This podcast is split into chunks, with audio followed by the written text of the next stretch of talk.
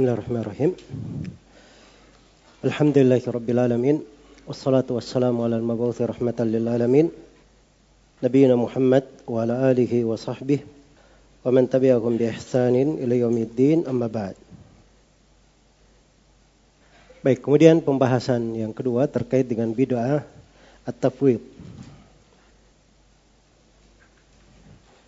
Setelah kita mengetahui bahwa ahlu ta'til ini orang-orang yang menolak atau mentakwil sifat-sifat Allah Subhanahu wa taala itu ada dua penyakit pokok. Yang pertama takwil, sudah kita terangkan. Sekarang yang kedua tafwid. Iya. Takwil dan tafwid ini ada sudut kesamaannya, ada sudut perbedaannya. Sebagaimana yang akan nampak nanti di penjelasan tentang apa yang dimaksud dengan tafwid? Apa itu tafwid? At-tafwid secara bahasa artinya dia serahkan, dia wakilkan secara bahasa, tapi yang dimaksud secara istilah tafwid itu adalah meyakini bahwa Bahir dari nas Bahir dari nas tidak diketahui maknanya. Dan nas-nas tersebut tidak sebagaimana zahirnya. Dan nas-nas tersebut tidak sebagaimana zahirnya. Jadi madhab tafwid ini ada dua rukun asasi di dalamnya. Yang pertama, dia terangkan bahwa sifat-sifat itu, nas-nas sifat, itu tidak sebagaimana zahirnya. Iya. Jadi kalau baca ayat Ar-Rahman alal arsy istawa, Ar-Rahman di atas ars beristiwa, istiwa itu bukan zahir. Jangan menyangka itu zahir. Jangan menyangka istiwa hakiki. Jadi ayat mereka pastikan pasti beda dengan zahirnya. Itu satu, di tafwid. Kemudian yang kedua, kalau begitu bagaimana istiwanya? Mereka katakan, mana istiwa kita serahkan kepada Allah. Mana istiwa kita serahkan kepada kepada Allah. Inilah yang disebut dengan apa? Tafwid. Iya. Ini yang disebut dengan madhab tafwid.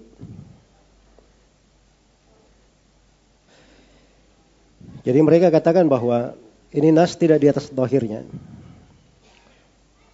Iya. Kalau begitu apa takwilnya? Kalau tidak sebagaimana dohirnya.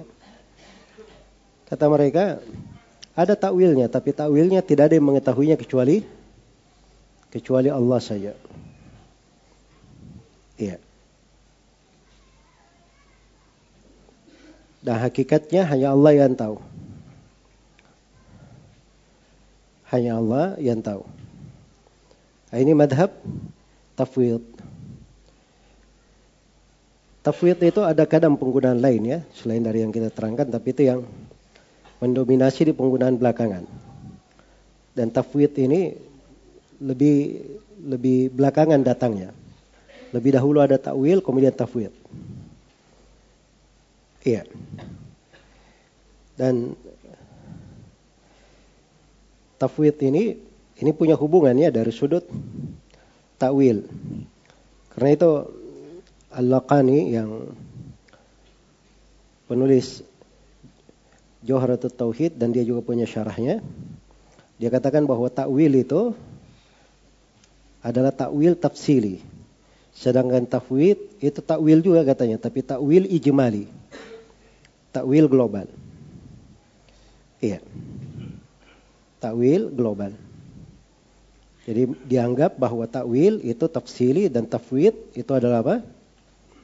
Adalah ijmali. Takwil secara globalnya, tafwid itu secara uh, afwan, takwil secara terperincinya, tafwid secara apa? Secara globalnya. Ujungnya sama hasilnya. Mereka menolak sifat, mentaktil sifat Allah Subhanahu wa taala. Sifat yang Allah tetapkan untuk dirinya apa yang ditetapkan oleh Rasulullah sallallahu alaihi wasallam. Iya. Dan dimaklum ya bahwa ini madhab berbeda dengan ahli sunnah wal jamaah. Jadi kalau ada yang berkata ahli sunnah mereka mentafwid itu keliru terhadap ahli sunnah. Karena ahli sunnah itu mereka tetapkan makna. Mereka yakini makna. Iya. Jadi ketika dibaca ayat Ar-Rahman alal arsyistawa ya mereka tetapkan sifat istiwa bagi Allah. Apa arti istiwa? Mananya jelas dalam bahasa Arab. Ya, ulu wal irtifa tinggi dan di atas. Itu maknanya dimaklumi. Iya. Dan ini sebagaimana ucapan Imam Malik rahimahullahu taala yang kita akan terangkan nanti. Ketika Imam Malik rahimahullahu ditanya tentang istiwa, kata beliau al-istiwa maklum. Istiwa itu maklum, dimaklumi maknanya. Wal kaifu ghairu ma'kul. Adapun bagaimananya itu yang tidak diketahui oleh akal. Di sebuah riwayat majhul tidak diketahui. Wal imanu bihi wajib tapi wajib kita imani akan istiwa Allah. Wasu'alu anhu bid'ah dan bertanya tentang bagaimananya itu adalah bid'ah. Iya. Baik. Jadi Imam Malik terangkan dua hal. Bahwa sifat istiwa maknanya dimaklumi. Adapun kefiat istiwa inilah yang diserahkan kepada kepada Allah. Jelas ya? Nah, karena itu dasar kaidahnya kalau di ahli sunnah makna itu dimaklumi. Adapun kefiat itulah yang ditafwid. Kefiat yang di apa? Diserahkan kepada Allah. Sebab tidak ada yang tahu kefiat itu kecuali Allah Subhanahu wa taala saja. Baik. Iya. Jadi Tampak dari penjelasannya bahwa tafwid itu dibangun di atas dua apa? Dua dasar. Dasar yang pertama, nas sifat, ayat maupun hadith tentang sifat itu tidak sebagaimana apa? Bahirnya. Dan yang kedua, makna dari sifat itu diserahkan kepada kepada Allah. Kita tidak tahu apa maknanya diserahkan kepada kepada Allah. Nah, itu tafwid. Madhab yang dikatakan oleh Syekhul Islam Ibn Taimiyah ini dari ucapan termasuk ucapan terburuk ahlul bidah. Jelas ya? Nah, berarti dari sini sudah bisa diketahui apa kaitannya orang yang mentakwil dan orang yang apa? Mentafwid. Sebab yang mentakwil sama dia katakan bahwa zahir ayat dan hadis tentang sifat itu tidak sebagaimana yang kelihatan. Karena itu perlu ditakwil. Jelas ya? Nah, kalau mufawwidah mereka bilang apa? Nas-nas ayat dan sifat betul tidak seperti zahirnya. Tapi maknanya kita tidak tahu, kita serahkan kepada kepada Allah Subhanahu wa taala. Jadi mereka bersyirikat di dalam mengatakan tidak sebagaimana zahirnya. Nah, itu letak perjumpaannya di situ. Ya, tetapi perbedaannya kalau orang-orang yang mentakwil Ya mereka terang, mereka terangkan maknanya. Jadi istiwa apa arti istiwa? Mereka bilang istaula. Itu kalau takwil. Tapi kalau tafwid ya di dalam ayat disebut istiwa. Apa artinya istiwa? Kata mereka kita tidak tahu apa arti istiwa. Kita serahkan maknanya kepada kepada Allah Subhanahu wa taala. Jelas ya? Jadi secara zahir ini bertentangan di sudut ini ya. Bertentangan. Iya. Dan ini kontradiksi antara takwil dan tafwid. Makanya ucapan uh, penulis Joharatul Tauhid itu itu kontradiksi sebenarnya. Ketika dia berkata, "Wa kullu nassin awhamat tashbiha awilhu aw fawwid warum tamsi warum tanziha." Setiap nas yang memberikan kesan tashbih, takwil atau ditafwid, Jadi kalau dia gabungkan dua madhab, takwil dan tafwid, ah, ini berbeda dua madhab ini. Jelas ya? Kalau orang yang mentakwil, dia tetapkan makna. Istiwa mananya istaula. Kan begitu? Iya. Bermana istilah kalau orang mentakwil. Tapi kalau yang mentafwid, mereka bilang istiwa, kita serahkan maknanya kepada Allah. Kita tidak tahu apa maknanya. Jelas sampai sini? Baik. Jadi itu perbedaannya. Iya. Kemudian terkait dengan masalah apa namanya? Uh,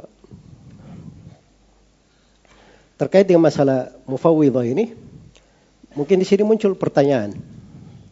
Iya. Muncul pertanyaan.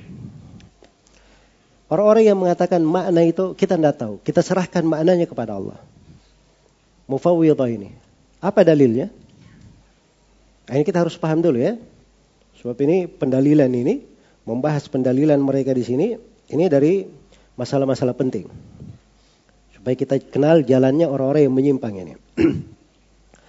Jadi mereka baca ayat di surah Ali Imran itu. Huwallazi anzala 'alaikal kitaba minhu ayatun muhkamat hunna ummul kitab wa ukharu mutasyabihat.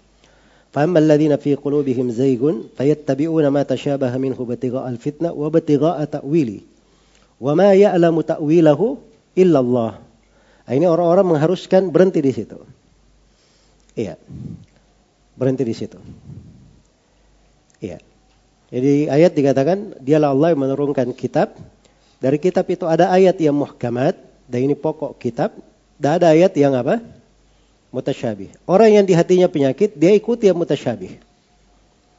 Untuk membuat fitnah dan mengikut, ingin mencari takwilnya.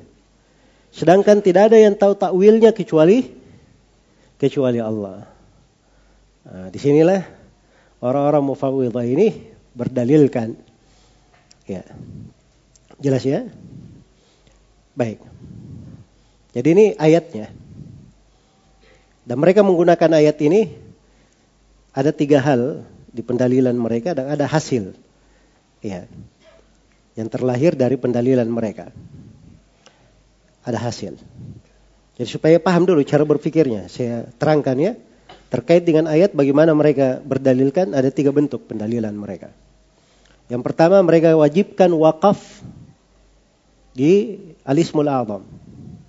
Wa ya wa ma ya'lamu ta'wilahu illa illallah. Harus berhenti di situ. Tidak boleh dilanjut. Tidak boleh dilanjut. Jelas ya? Padahal kalau dibacaan ahli kiraah boleh dua-duanya. Boleh berhenti di situ, boleh dilanjut. Boleh dibaca wa ma ya'lamu ta'wilahu illallah warrasikhuna fil ilm. Boleh berhenti di situ. Kalau dibacaan keumuman ahli kiraah. Tapi mereka tidak, harus berhenti di situ. Jangan disambung. Itu satu dulu. Terus yang kedua, orang-orang mufawwidah ini berdalilkan dengan ayat, mereka katakan bahwa ayat dan hadis tentang sifat itu masuk di dalam kategori mutasyabih, bukan muhkam. Masuk dalam kategori apa? Mutasyabih, bukan muhkam. Ini sudah kita jelaskan ya bantahannya. Dan ini keliru, mereka memahami. Iya, bahkan ayat tentang sifat itu masuknya ke dalam muhkam. Yang mutasyabih itu apa ya? Kaifiatnya yang mutasyabih. Jelas ya? Baik. Yang ketiga, mereka di dalam memahami takwil. Yang mereka katakan wa ma ya'lamu ta'wilahu illallah. Tidak ada yang mengetahui takwilnya kecuali Allah. Jadi dia pahami itu takwil apa di sini artinya? Takwil seperti makna yang diinginkan oleh tukang takwil yang pertama itu tadi. Iya. Jelas ya? Dan takwil dengan makna itu, itu kan hal yang baru terjadi. Kok bisa ada ayat Al-Quran turun di masa Nabi Sallallahu Alaihi Wasallam sudah berjalan tiga generasi, tidak pernah ada takwil, takwil tiba-tiba muncul, terus makna takwil ini masuk ke dalam ayat. Hah? Nah, inilah kekeliruan mereka memahami. Jelas ya? Baik.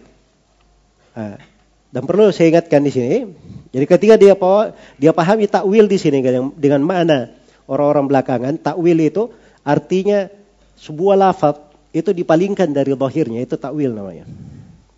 Itu di kalangan orang belakangan. Iya. Sebuah lafaz ditakwilkan dari zahirnya, katanya dengan karina, dengan indikasi yang mereka apa namanya miliki di dalam hal itu. Nah, itu yang disebut takwil. Dan ini tidak dikenal ya di kalangan para ulama.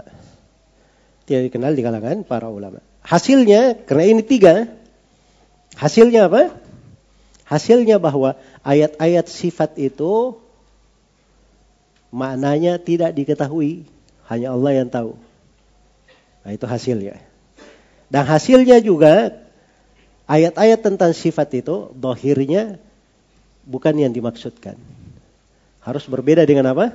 Dohirnya. Sebab ini masuk di dalam kategori apa? Mutasyabih. Nah, itu hasil dari pemikiran mereka berdasarkan dengan ayat. Jelas ya? Baik, saya akan rinci dulu. Saya akan apa namanya? Saya akan terangkan kekeliruannya di sini. Pertama, ketika mereka wajibkan berhenti, wa ma ya'lamu ta'wilahu illallah. Saya sudah terangkan tadi bantahannya.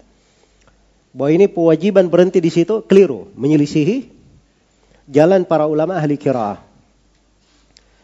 Ya, ini dua kiraah yang sahihah, dua kiraah yang benar. Mau berhenti di Wa ma ya'lamu ta'wilahu illallah, berhenti di situ boleh? Dan mau dilanjutkan juga boleh. Wa ma ya'lamu ta'wilahu illallah warrasikhuna fil ilmi, berhenti di situ juga boleh. Warrasikhuna fil ilm juga boleh.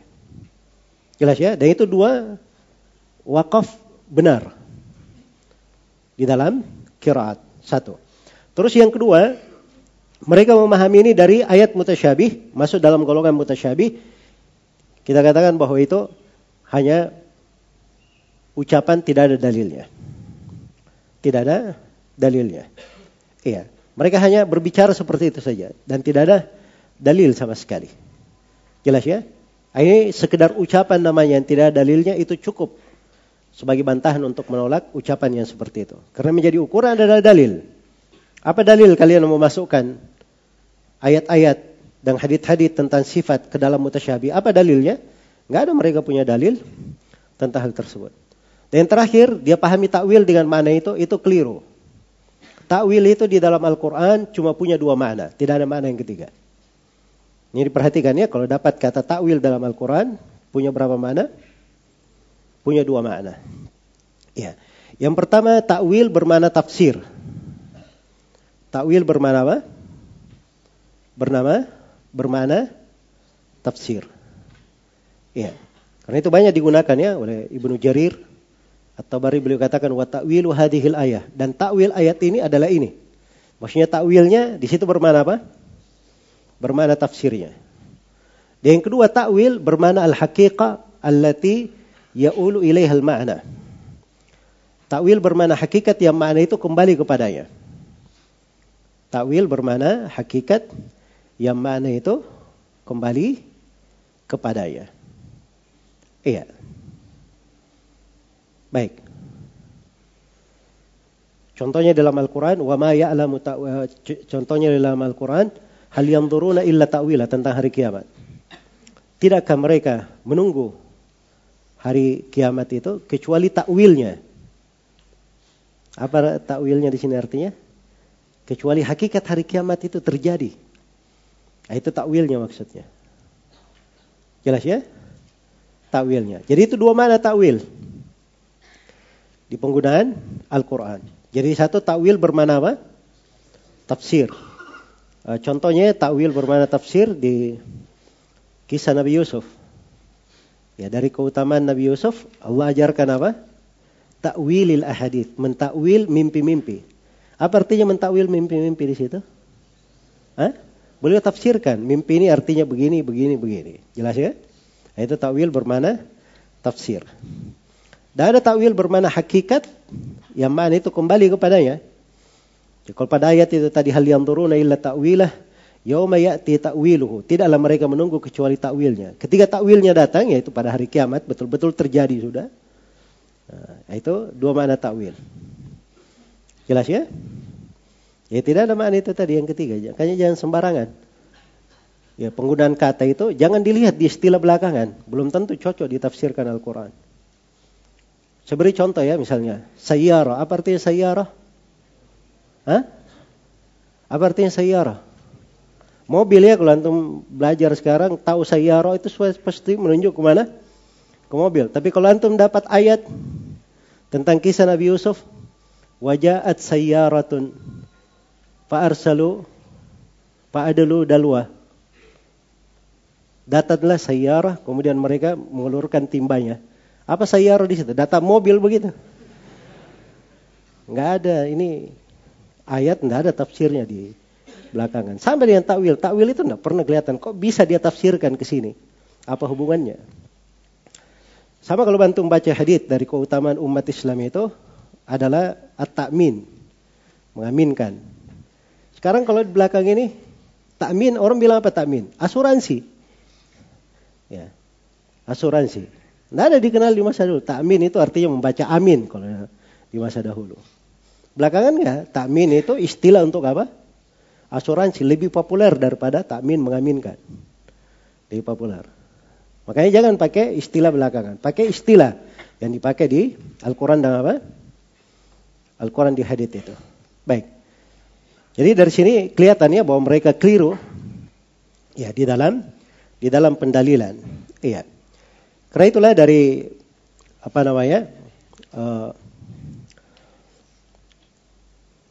madhab orang-orang mufawwidah ini dari perkara yang menunjukkan batilnya, ya. Itu diterangkan oleh Syekhul Islam Ibn Taimiyah ada tujuh hal yang menunjukkan kebatilan dari madhab mufawwidah ini. Dan tujuh hal ini adalah konsekuensi dari ucapan mereka.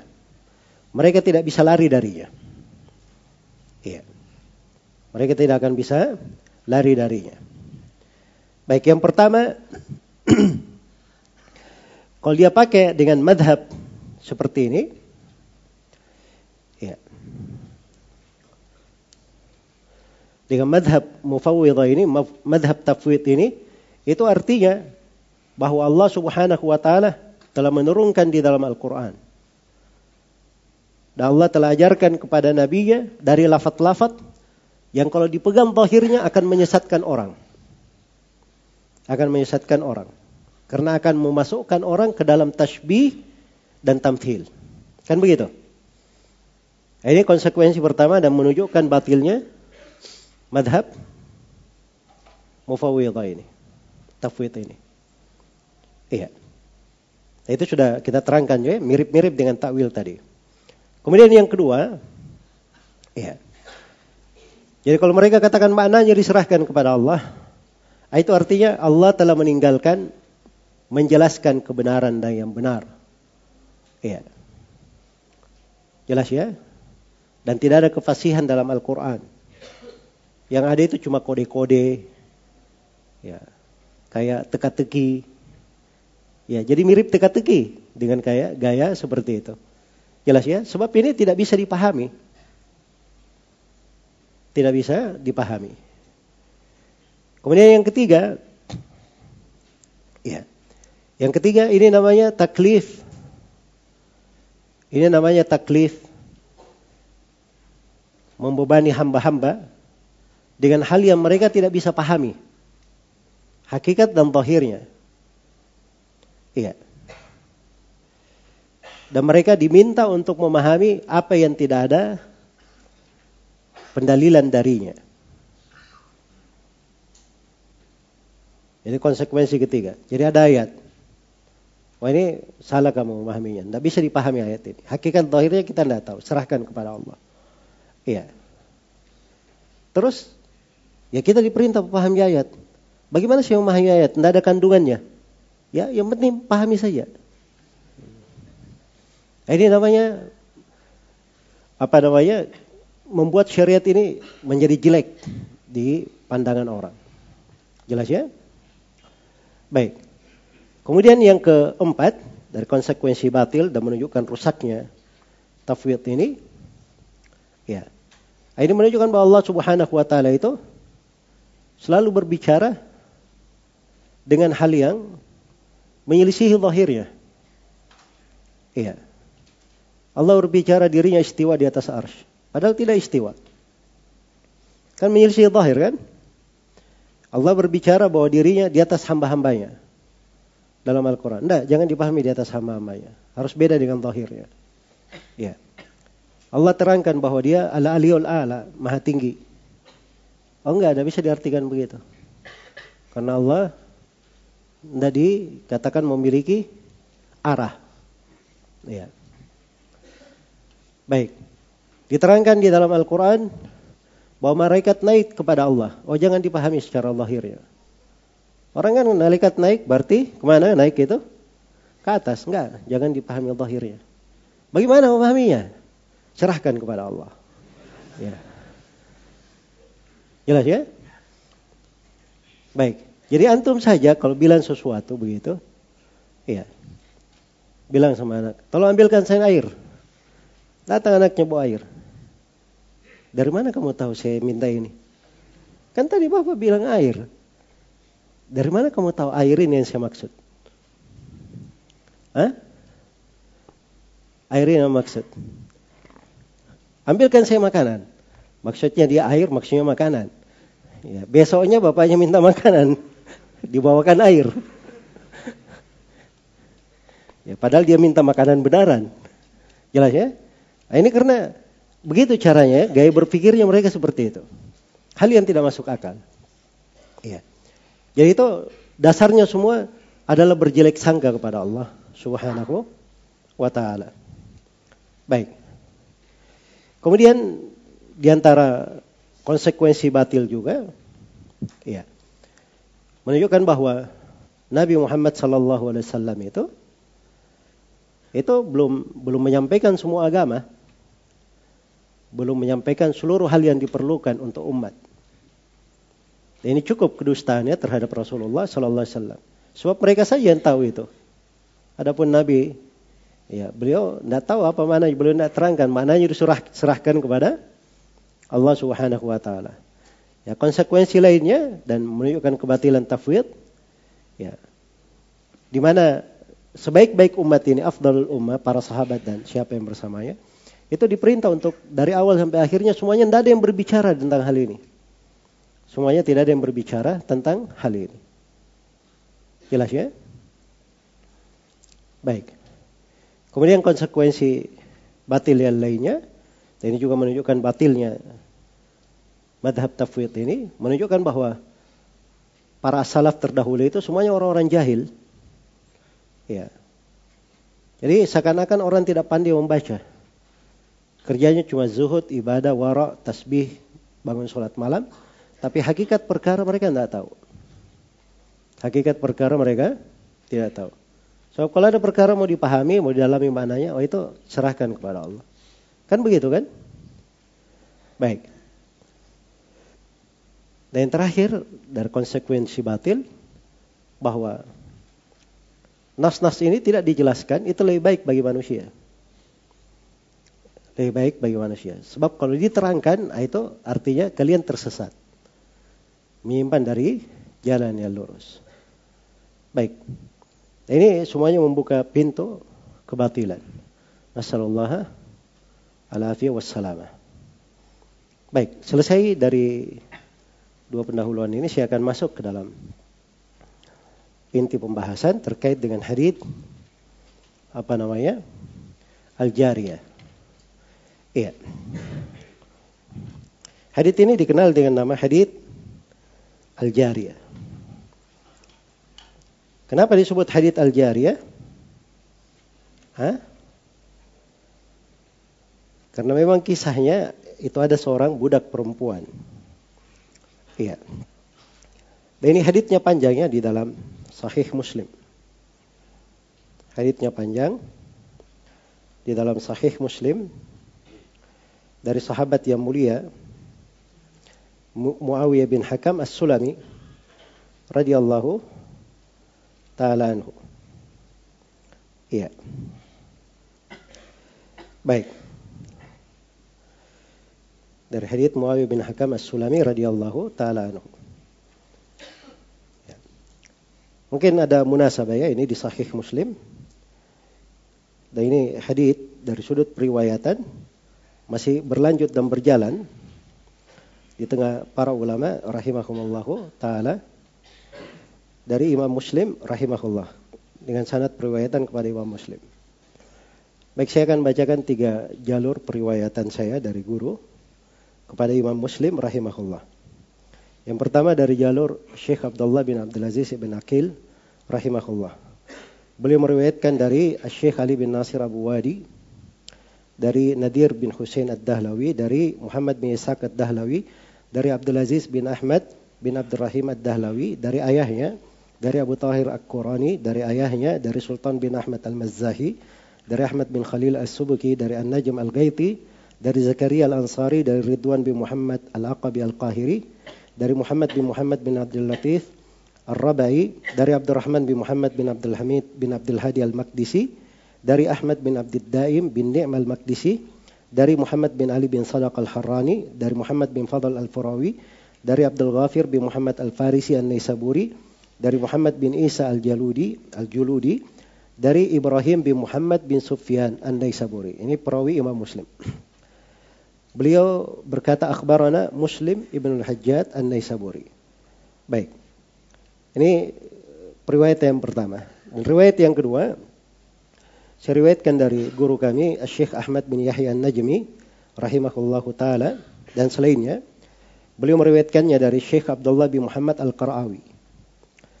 Dari Syekh Ahmad dari Syekh Ahmadillah bin Amir Al-Qurashi, dari Hussein bin Muhsin Al-Ansari Al-Khazraji, dari Muhammad bin Nasir Al-Hazimi, dari Muhammad bin Ali Asy-Syaukani. Ini Imam Asy-Syaukani penulis kitab Tailul Atar. An Abdul Qadir Al-Kaukabani dari Sulaiman bin Yahya Al-Ahdal dari Ahmad bin Muhammad Al-Ahdal dari Abdullah bin Salim Al-Basri dari Muhammad bin Alauddin Al-Babili dari Salim bin Muhammad As-Sanhuri dari An-Najm Muhammad bin Ahmad Al-Ghaiti dari Zakaria Al-Ansari dari Abu Nuaim Ridwan bin Muhammad Al-Aqabi dari Abu Tahir Muhammad bin Muhammad bin Abdul Latif bin Quaik dari Abil Faraj Abdurrahman bin Abdul Hamid bin Abdul Hadi Al-Hambali dari Abil Abbas Ahmad bin Abdul Dain An-Nabulsi dari Muhammad bin Ali bin Sadaq al-Harrani, dari Muhammad bin Fadl al-Furawi, dari Abdul Ghafir bin Muhammad al-Farisi, dari Muhammad bin Isa al-Juludi, dari Ibrahim bin Muhammad bin Sufyan. Beliau berkata, akhbarana Muslim Ibnu al-Hajjat al-Kushair al-Naisaburi. Baik, dan sanad yang ketiga juga dari guru kami Syekh Abdullah ibn Akil rahimahullah. Beliau berkata, akhbarana Beliau meriwayatkan dari Syekh Abdul Ghani Ad-Daqar dari Muhammad Badruddin Al-Hasani, dari Ibrahim bin Ali As-Saqa, dari Thuailib bin Salim Al-Qashni, dari Ahmad bin Abdul Fattah Al-Malawi, dari Abdullah bin Salim Al-Basri, dari Muhammad bin Alauddin Al-Babili, dari Salim bin Muhammad As-Sanhuri, dari Najm bin Muhammad bin Ahmad, dari An-Najm Muhammad bin Ahmad Al-Ghaiti, dari Zakaria Al-Ansari. Beliau berkata, Beliau meriwayatkan dari Ahmad bin Ali ibnu Hajar al Asqalani. Ini melalui Jarud ibnu Hajar. Dari Abdullah bin Muhammad bin Muhammad An-Naisaburi, dari Abu Fadl Sulaiman bin Hamzah Al-Maqdisi, dari Ali bin Hussein bin Muqayyar, dari Muhammad bin Nasir As-Sulami Al-Baghdadi, dari Abdurrahman bin Muhammad bin Ishaq bin Manda. Ini Imam, Imam Ibnu Manda ya yang terkenal. Dari Muhammad bin Abdullah Al-Jauzaki, dari Makki bin Abdan An-Naisaburi. Ini riwayat lain selain daripada riwayat Ibrahim bin Muhammad bin Sufyan. Ya, supaya antum tahu ini dua dua riwayat. Keduanya meriwayatkan dari Muslim Ibnu Al-Hajjat An-Naisaburi rahimahullahu taala, Imam Muslim yang terkenal.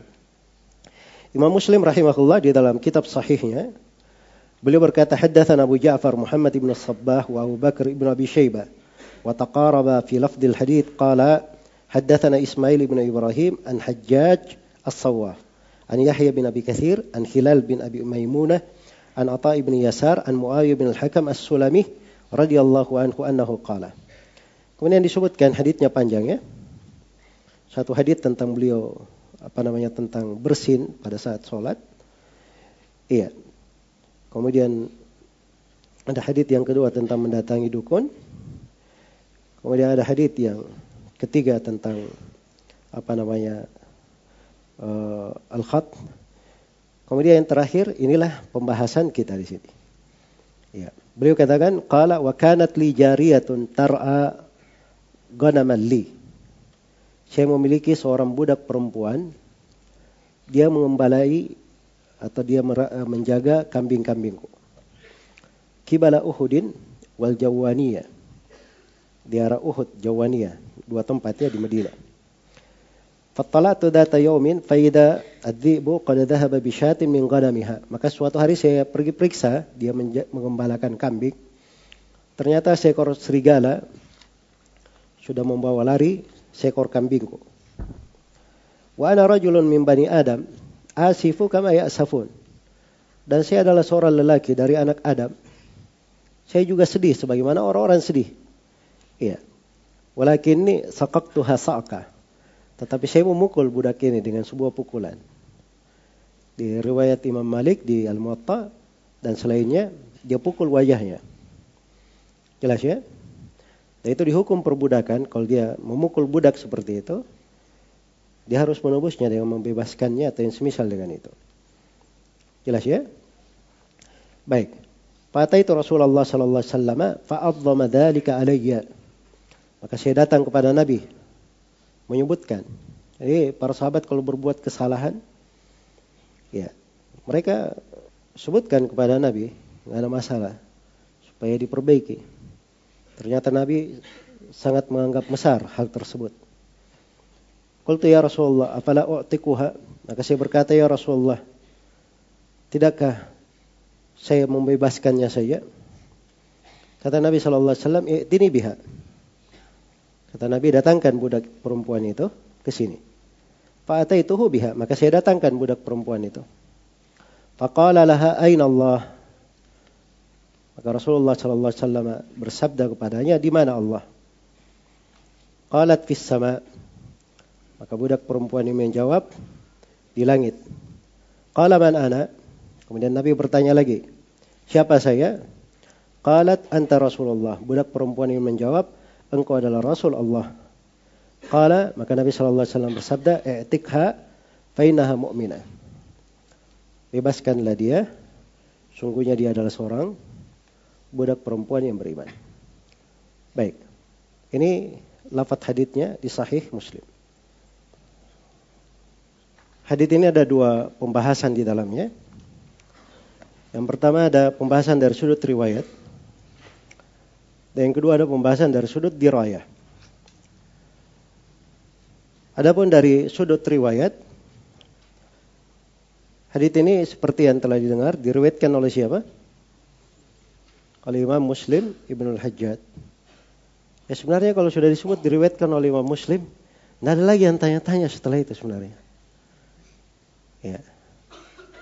Sebab kitab Sahih Al-Bukhari dan kitab Sahih Muslim ini dua buku yang disepakati oleh umat diterima hadit-haditnya. Diterima hadit-haditnya. Jelas ya? Dan sudah berjalan dari generasi ke generasi para ulama ahli hadit mereka menerimanya. Dan itu menurut menunjukkan kesepakatan umat. Kecuali segelintir hadit, kecuali segelintir hadit yang dikritik oleh para ulama yang selevel dengan Bukhari dan Muslim. Nah, kalau dia selevel dengan Bukhari dan Muslim, itu wajar ya. Dan hadit-hadit yang dikritik ini semuanya jelas. Namanya dikritik, berarti haditnya ada atau tidak? Ada. Ada hadit yang dikritik, ada ulama yang mengkritiknya. Siapa ulama yang mengkritiknya?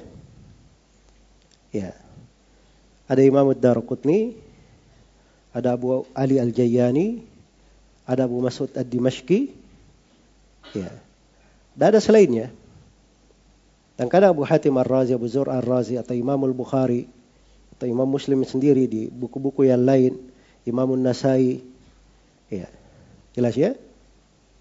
Terkait dengan sebagian hadis di Sahih Bukhari atau di Sahih Muslim.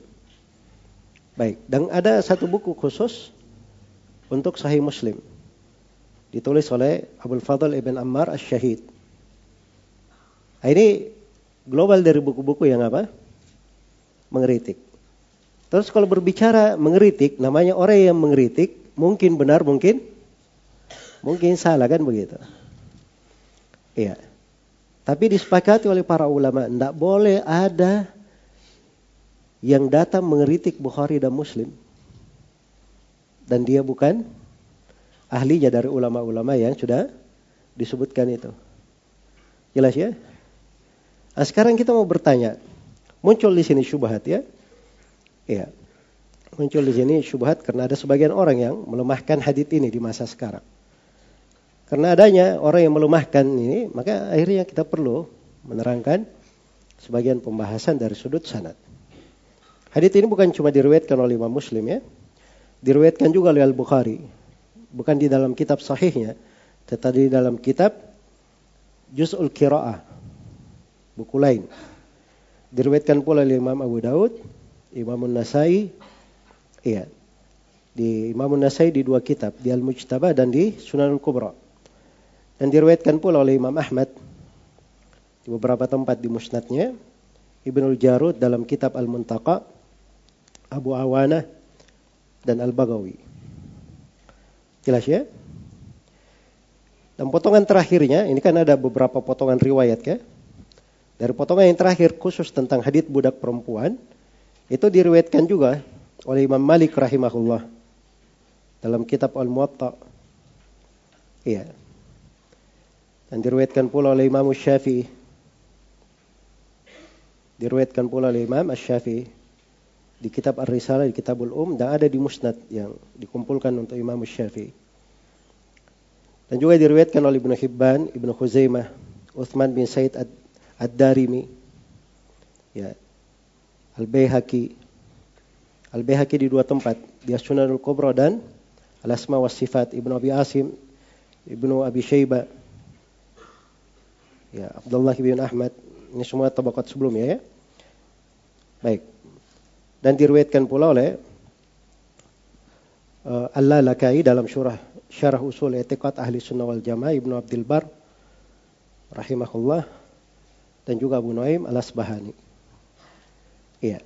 Jadi ini semuanya uh, saya lupa tadi Abu Nuaim Al-Asbahani yang pertama ya karena dia mustakhrat terhadap sahih Muslim. Baik dari sudut keabsahan riwayat, tidak ada yang meragukannya. Cuman datang orang-orang belakangan. Nah ini orang-orang belakangan ini. Ya, ahli-ahli syubhat ini. Nah, ini salah satunya ini. Ini transkrip dari sebagian ucapan manusia lancang di internet. Ada yang tanya tentang hadith jariah ini kepadanya. Dia katakan hadith jariah ini kita baca dari segi sanat dan matan. Masya Allah bahasanya itu bahasa-bahasa meyakinkan. Seakan-akan ahli hadith nomor satu. Ya. Pertama kalau dibaca dari segi sanat, Imam Al-Bayhaqi dalam As-Sunanul Kubra, kisah jariah ini mudraj min ba'din nusakh. Ya. Menurut Imam Al-Bayhaqi dalam naskah sahih Muslim yang asli, kisah tentang pisama itu tidak ada katanya. Ini ba'dul mutaakhirin saja setelah Imam Muslim yang memasukkan. Karena sanatnya satu. Baik. Jadi perhatikan ya. Jadi Imamul Bayhaqi memberi hukum di dalam kitab As-Sunul Kubra. Pertama ingat dulu kitab Sunul Kubra. Apa ucapannya? Mudraj min ba'din nusakh. Tahu artinya mudraj? Mudraj itu bukan bagian dari hadith, bukan dari hadith tapi dimasukkan ke dalam hadith. Ya. Jelas ya? Baik. Nah ini yang dia maksud di sini mudraj di sudut matannya. Ini matan bukan dari hadith itu, tapi sebagian orang yang menulis hadith ini dia masukkan matan di situ salah, keliru.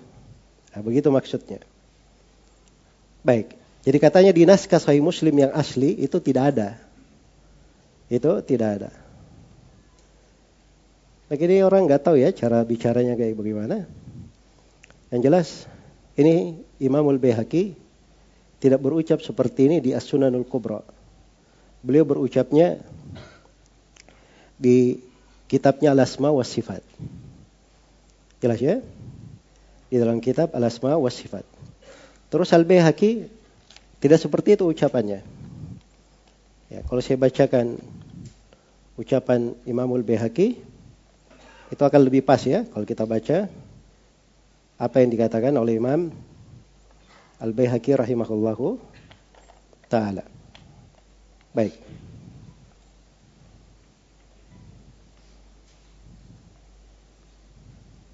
Baik. Jadi di kitab Al-Asma wa Sifat karya Imam Al-Baihaqi di jilid 2 halaman 325. Beliau membawakan sanatnya. Ya. Kata Al-Baihaqi, saya baca lengkap ya.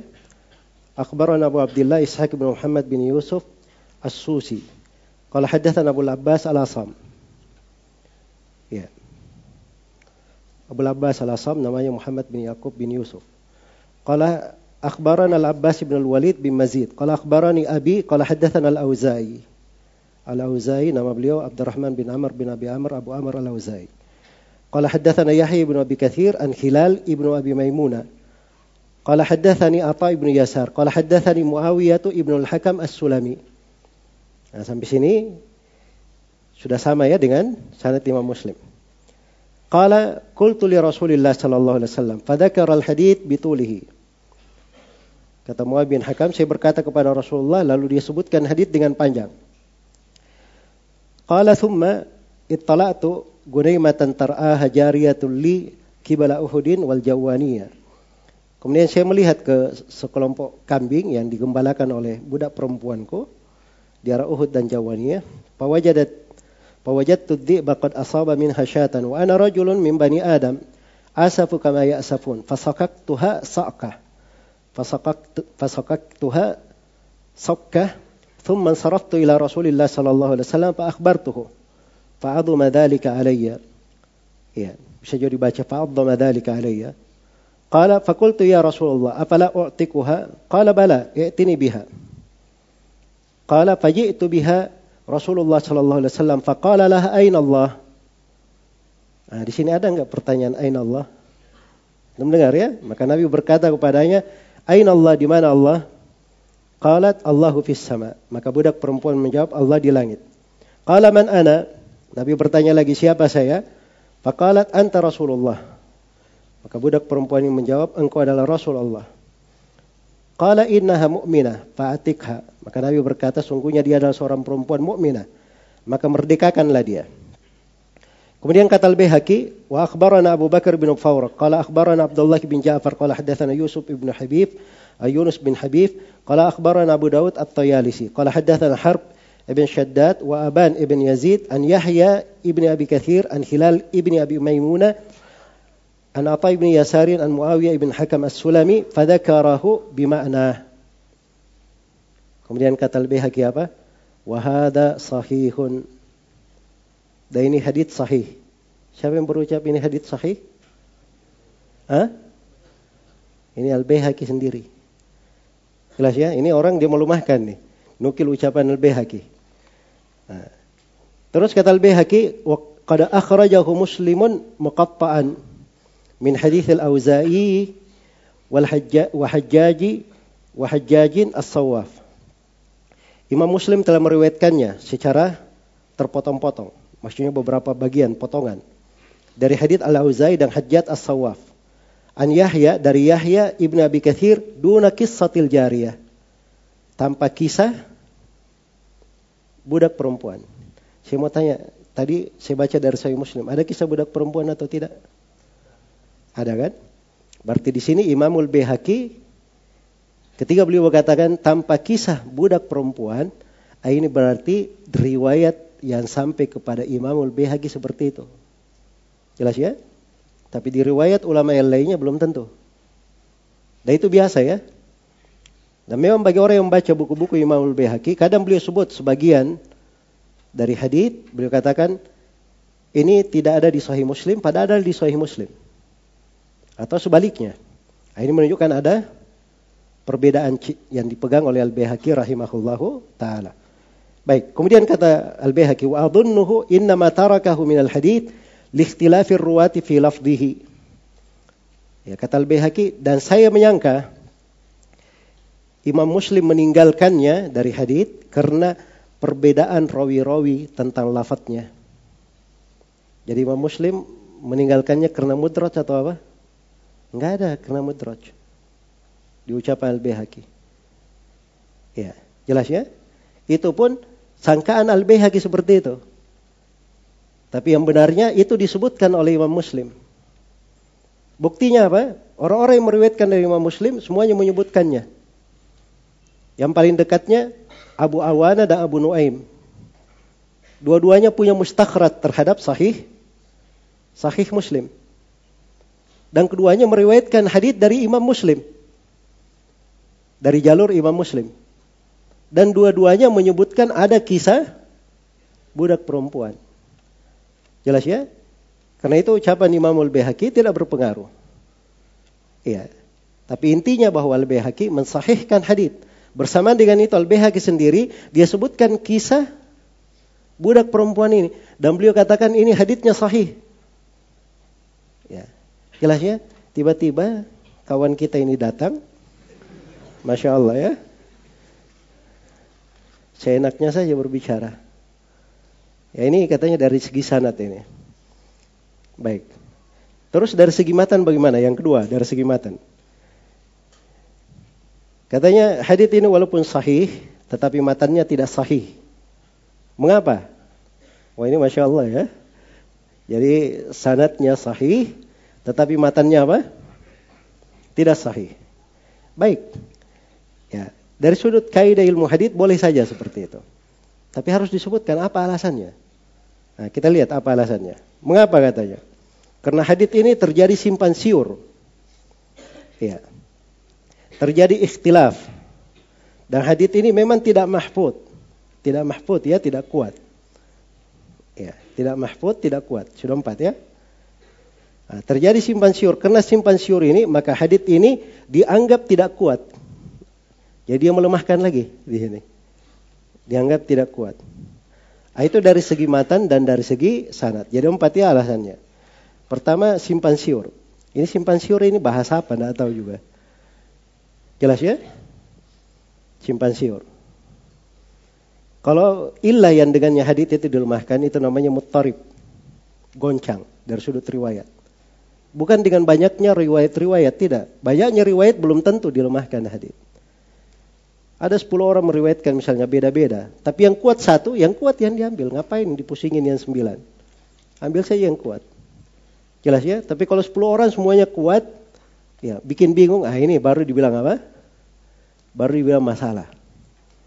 Baru dibilang masalah. Baik. Terus yang kedua dia katakan terjadi ikhtilaf. Enggak tahu ikhtilaf apa ini maksud. Jelas ya? Ikhtilaf apa? Dan ini sama dengan sebagian orang yang lain mengatakan bahwa ini konteks riwayatnya riwayat dengan makna katanya. Hadis ini. Karena datang di riwayat yang lain bahwa Nabi itu bertanya kepada budak tersebut, siapa Rob kamu? Datang di riwayat lain, Nabi berkata kepadanya, apakah kamu bersyahadat la ilaha illallah Muhammad Rasulullah? Jelas ya? Nah, itu syubhat lain sebenarnya. Syubhat lain. Nah, tapi kita selesaikan dulu orang ini ya, baru kita pindah ke syubhat itu. Ya. Jadi kalau dia katakan terjadi ikhtilaf, ikhtilafnya itu di riwayat lain, bukan di hadith ini. Bukan di hadith ini. Jelas ya? Kalau dia katakan hadithnya tidak mahfud, nah ini juga anda tahu dia paham gak ilmu mustalah, ilmu riwayat. Tidak mahfud itu lawannya adalah syad. Bahasa lainnya syad. Syadnya dari sudut mana dia? Sudut. Mana rawi yang dia selisihi? Mana rawi yang dia selisih. Ini semuanya omong kosong ya. Ya, omong kosong. Tidak kuat. Dari mana dia tidak kuat? Imam Muslim mensahihkan. Sudah berjalan 14 abad tidak ada yang melemahkan hadis ini. Tiba-tiba dia baru lahir kemarin mengatakan hadisnya tidak kuat. Ya. Baik, saya harus uh, apa namanya? membuat lebih seimbang ya. Jadi ini orang sebenarnya dia mukallid, ikut-ikutan. Ikut-ikutan dari siapa? Ikut-ikutan dari ahlul bidah di masa sekarang. Ada yang melemahkannya dua orang di masa sekarang populer. Satu namanya Zahid Al-Kautsari. Iya. Ini digelari oleh para ulama sekarang sebagai pembawa bendera Jahmiyah di masa kini. Zahid Al-Kautsari ini. mengatakan Al-Quran makhluk, apa segala macam, ada semua. Yang penting cari aja kesatan ada sama dia, kesatan Jahmi ada sama dia. Said Al-Kausar ini. Terus yang kedua ada namanya Hasan As-Saqqaf. Ini juga dari ahlul bidah di masa sini, masa sekarang yang paling gemar melemahkan hadith-hadith seperti ini. Jelas ya? Baik.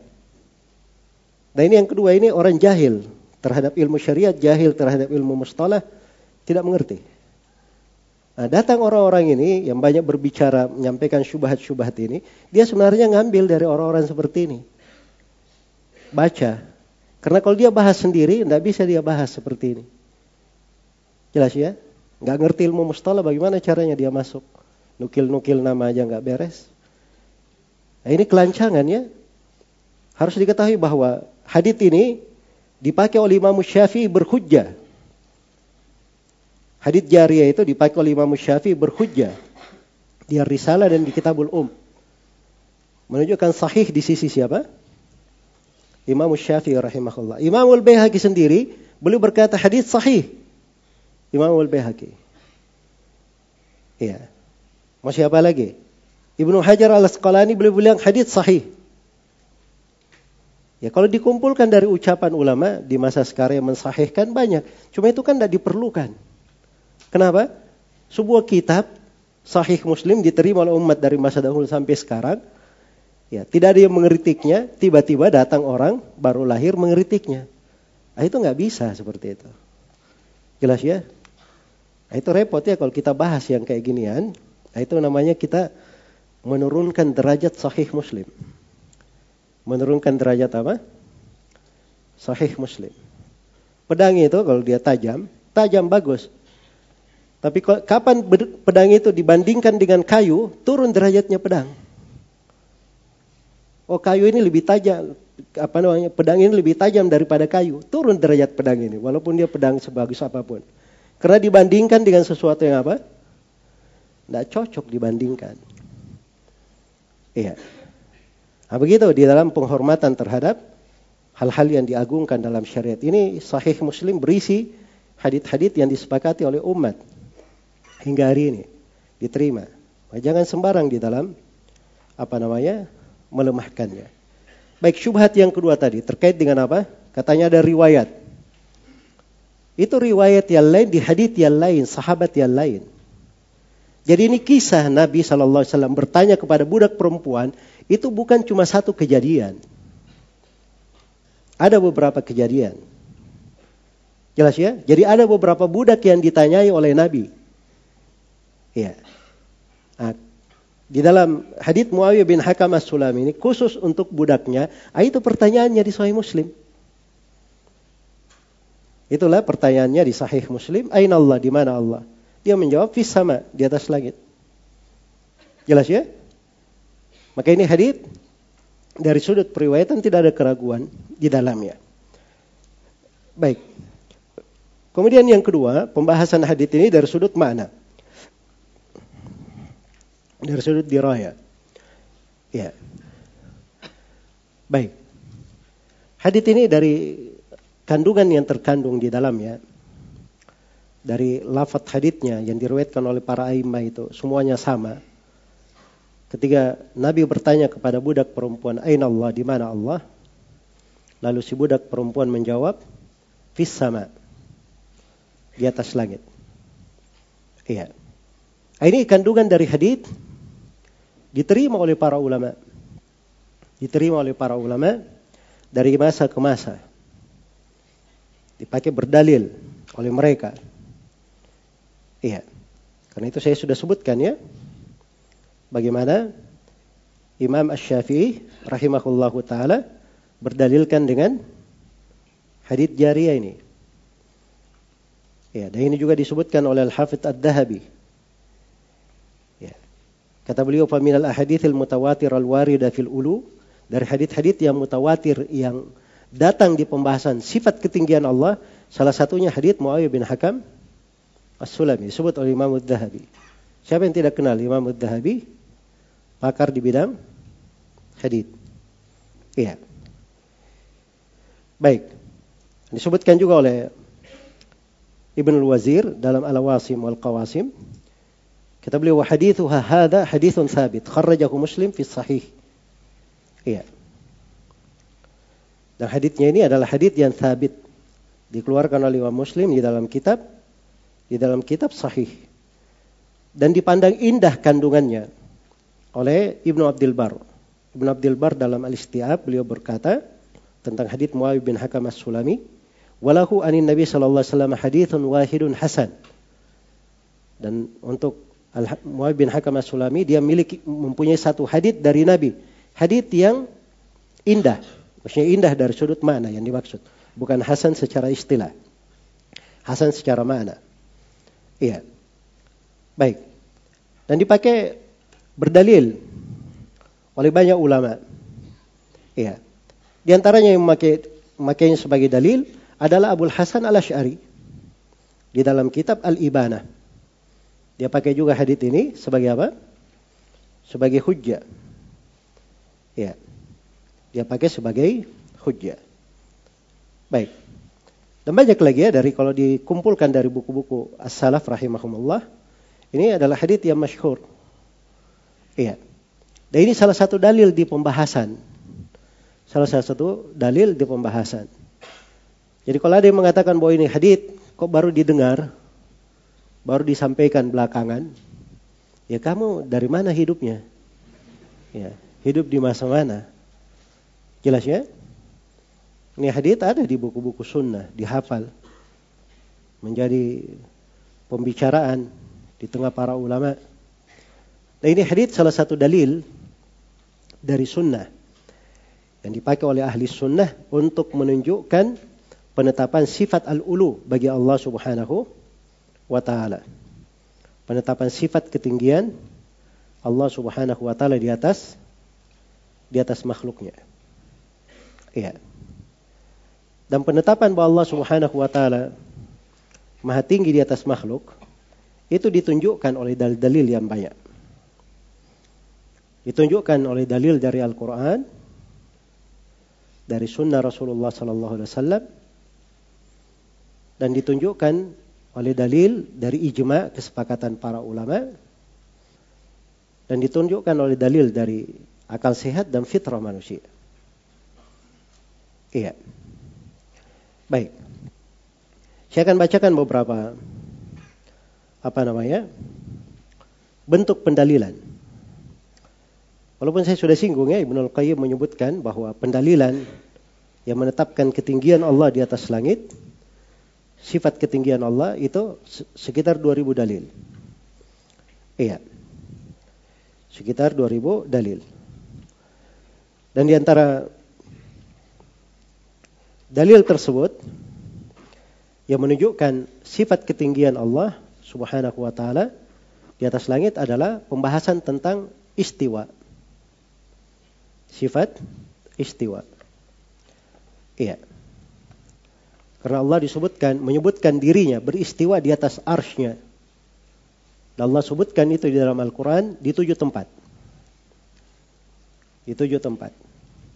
Tempat yang pertama di surah Al-A'raf, tempat yang kedua di surah Yunus, tempat yang ketiga di surah Ra'ad, tempat yang keempat di surah Taha, tempat yang kelima di surah Al-Furqan, tempat yang keenam di surah As-Sajdah, dan tempat yang ketujuh di surah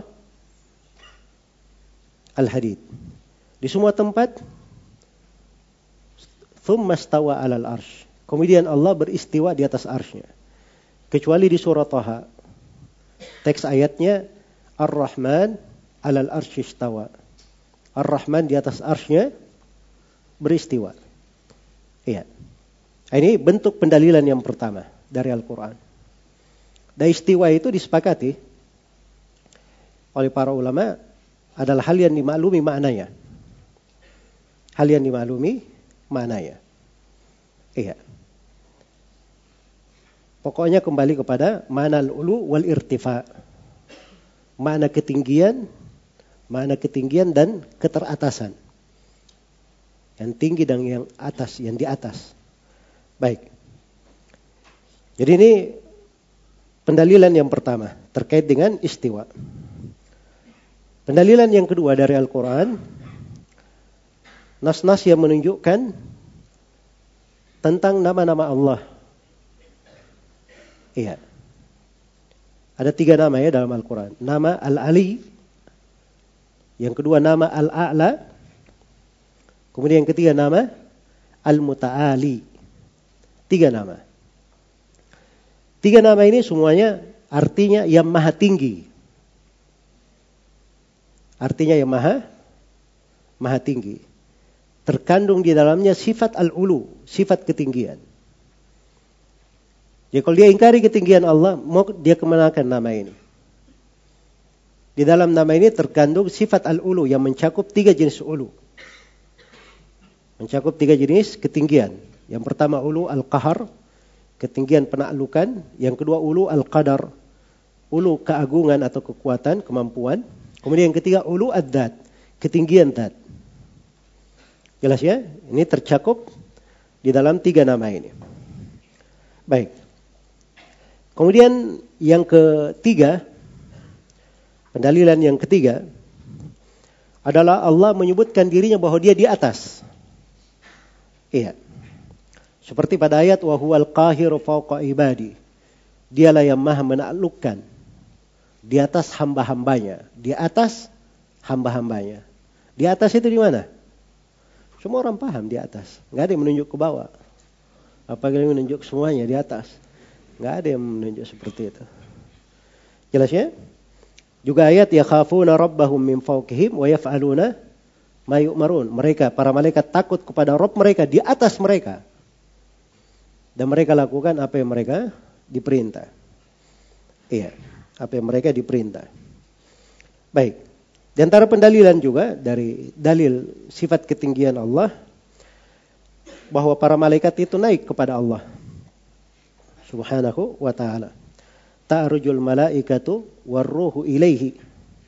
Para malaikat dan ruh yaitu Jibril naik kepadanya. Ya. Naik, naik al-urj, al-uruj ya, naik. Itu naik itu dari mana? Dari bawah ke atas atau dari atas ke bawah? Semuanya naik ke atas ya, semua orang tahu. Baik. Dan ini dari pendalilan-pendalilan ya yang banyak di dalam Al-Qur'an. Iya. Itu disebutkan di apa namanya? di dua tempat, di surah Al-Ma'arij dan juga di surah As-Sajdah. Iya. Kemudian di antara dalil juga adalah penyebutan as-sa'ud, naiknya. Ya.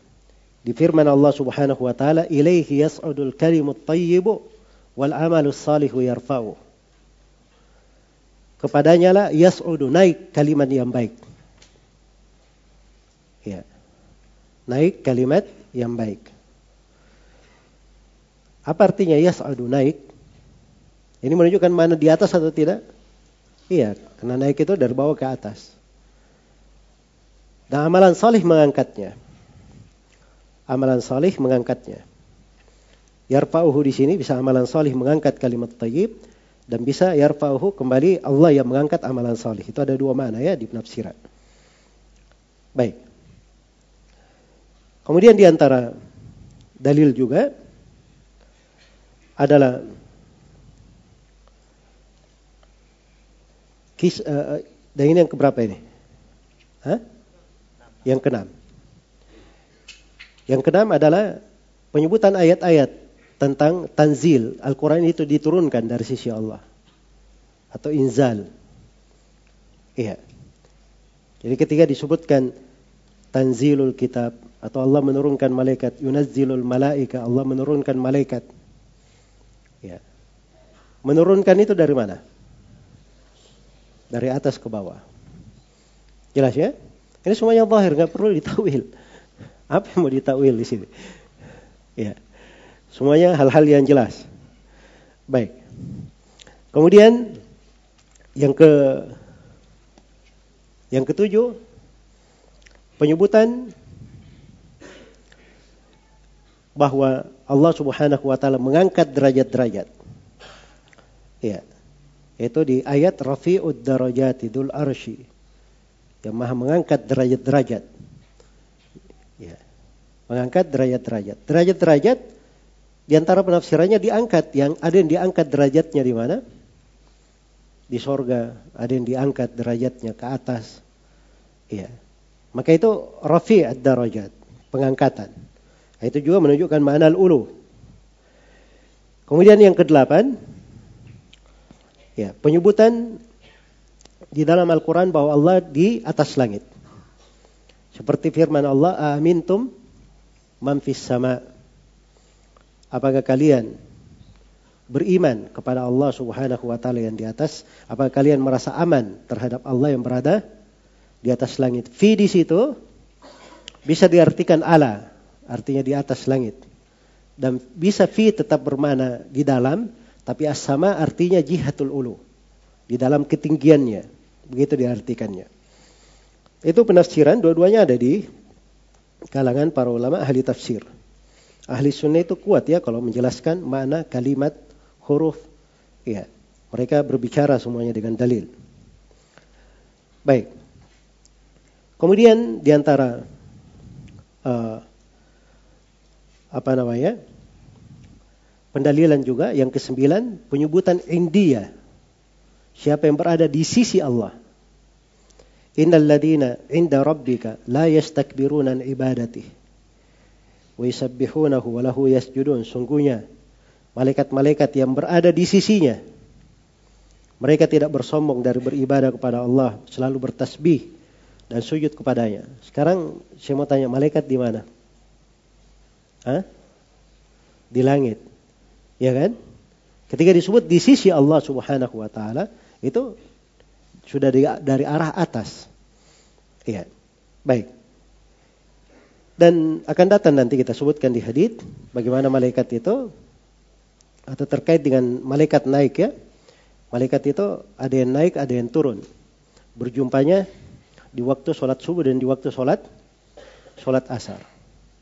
Yata'aqabuna fikum malaikatun bil laili wa malaikatun bin nahar. Hadits riwayat Bukhari dan Muslim bersilih ganti malaikat itu di tengah kalian. Malaikat di, di siang hari, malaikat di malam hari.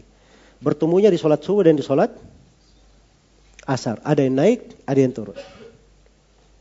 Jelas ya? Baik. Iya. Kemudian di antara uh, dalil tentang sifat ketinggian Allah adalah Allah Subhanahu wa taala berfirman, "Huwal awwalu wal akhiru wal dhahiru wal batinu." Ya. Apa arti al-zahir? Allah al-zahir disebutkan di dalam hadis riwayat Muslim, "Allahumma anta al-zahiru falaysa fawqaka syai'." Ya Allah, Engkau adalah yang Maha Zahir, tidak ada suatu apa pun di atasmu. Berarti dia yang paling paling di atas. Iya. Maka itu di antara dalil yang menunjukkan ketinggian Allah Subhanahu wa taala. Baik itu sudah berapa sudut itu? Saya sebut. Hah? Sudah 10 ya? Itu cukup ya dari sudut apa? Dari sudut ayat Al-Qur'an. Baik, sudah 10 bentuk pendalilan. Sekarang saya berikan bentuk pendalilan dari hadis Rasulullah sallallahu alaihi wasallam. Nabi itu menjelaskan ketinggian Allah Subhanahu wa taala di atas langit dengan ucapannya, dengan perbuatannya, dan dengan penetapannya, ikrarnya. Tiga sekaligus. Jelas ya? Adapun dengan ucapannya, banyak sekali hadith Nabi. Di antaranya, hadith riwayat Bukhari dan Muslim, Rasulullah bersabda, "La ta'manuni wa ana aminu man fis sama." Tidakkah kalian mempercayai saya? Padahal saya adalah kepercayaan siapa yang di atas langit. Itu dari sabda Nabi. Dan dari sabda Nabi Shallallahu Alaihi Wasallam adalah cerita yang beliau ceritakan tentang kisah apa? Kisah beliau diangkat ke langit. Ya, diangkat ke langit untuk berjumpa dengan Allah berbicara langsung kepadanya. Nah, itu dipakai oleh para ulama dari masa ke masa di antara dalil yang menunjukkan apa? Bahwa Allah Subhanahu wa taala maha tinggi di atas langit. Yang aneh bin ajaib, ada yang menganggap pendalilan seperti ini itu syubhat katanya.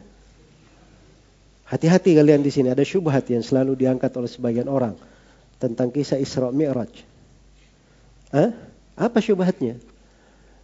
Hati-hati ya katanya. Itu sidratul muntaha ketika Nabi diperintah untuk kembali. Itu bukan artinya Allah itu bertempat di situ. Memang siapa juga yang bilang Allah bertempat di situ? Ini selalu mereka komit ilzam orang, diharuskan orang berpikir seperti pemikiran busuk dia. Iya. Jelas ya? Umat Islam itu hanya mengimani bahwa Allah di atas langit. Beristiwa di atas arsnya. Ya, mereka imani sebagaimana yang Allah kabarkan di banyak dalil tersebut. Kan begitu. Nah, Nabi ke atas langit itu menunjukkan ketinggian Allah di atas. Sudut itu yang perlu dijadikan sebagai pendalilan. Mereka tidak bahas terkait dengan masalah tempat, terkait dengan apa yang mereka pikirkan. Tidak ada dibahas oleh ahli sunnah itu. Jelas ya? Tapi semua orang berakal kalau ditanya, Nabi diperjalankan naik ke langit. Tanya saya, naik itu ke mana? Naik ke langit itu ke mana? Di mana-mana, tidak ada orang yang berakal berucap seperti itu. Semuanya jelas ya, dari sudut pendalilan. Baik. Kemudian di antara sudut pendalilan juga dari hadits Rasulullah Sallallahu Alaihi Wasallam adalah tentang Allah dilihat pada hari kiamat. Allah dilihat pada hari kiamat. Nah, ini bukan ini dua sekaligus ya, ayat dan hadis karena dalil Allah dilihat pada hari kiamat itu dari ayat dan hadis. Kan disebutkan dilihat itu dilihat oleh siapa? Satu dua orang atau dilihat oleh semuanya? Semuanya. Kemudian Nabi memperumpamakan dilihatnya bagaimana? Innakum satarawna rabbakum kama tarawna al-qamara lailatal badar. Kalian akan melihat Rabb kalian sebagaimana kalian melihat bulan di bulan di malam purnama. Bulan dilihat di malam purnama itu di mana bulannya? Saya mau tanya. Di ember? Di sumur? Nggak ada orang melihat di atas kan? Jadi dia di mana saja bisa melihat ke bulan. Nah itu. Ya. Nah, itu semuanya hal yang menunjukkan arah di atas. Bukan di mana-mana. Bukan di mana-mana. Jelas ya? Tapi ditunjukkan arah di atas. Di ketinggian. Allah subhanahu wa ta'ala. Baik. Dari sudut ucapan beliau banyak sekali. Ucapan Nabi Sallallahu Alaihi Wasallam untuk hal itu. Iya. Adapun dari sudut perbuatannya, perbuatan Nabi juga menunjukkan hal yang sama. Iya. Dan di antara yang populernya adalah di Hajjatul Wada, haji perpisahan. Dihadiri oleh banyak umat Islam. Ketika Nabi sudah menyampaikan pesan-pesannya, beliau berkata kepada para sahabatnya, Ala hal ballaktu, apakah aku sudah sampaikan kepada kalian? Para sahabat menjawab, bala ya Rasulullah. Maka beliau mengangkat tangannya ke langit, lalu beliau berkata, Allahumma ishad. Ya Allah persaksikanlah. Jelas ya? Dan di antara dalil juga yang perbuatannya, adalah kisah salat istisqa.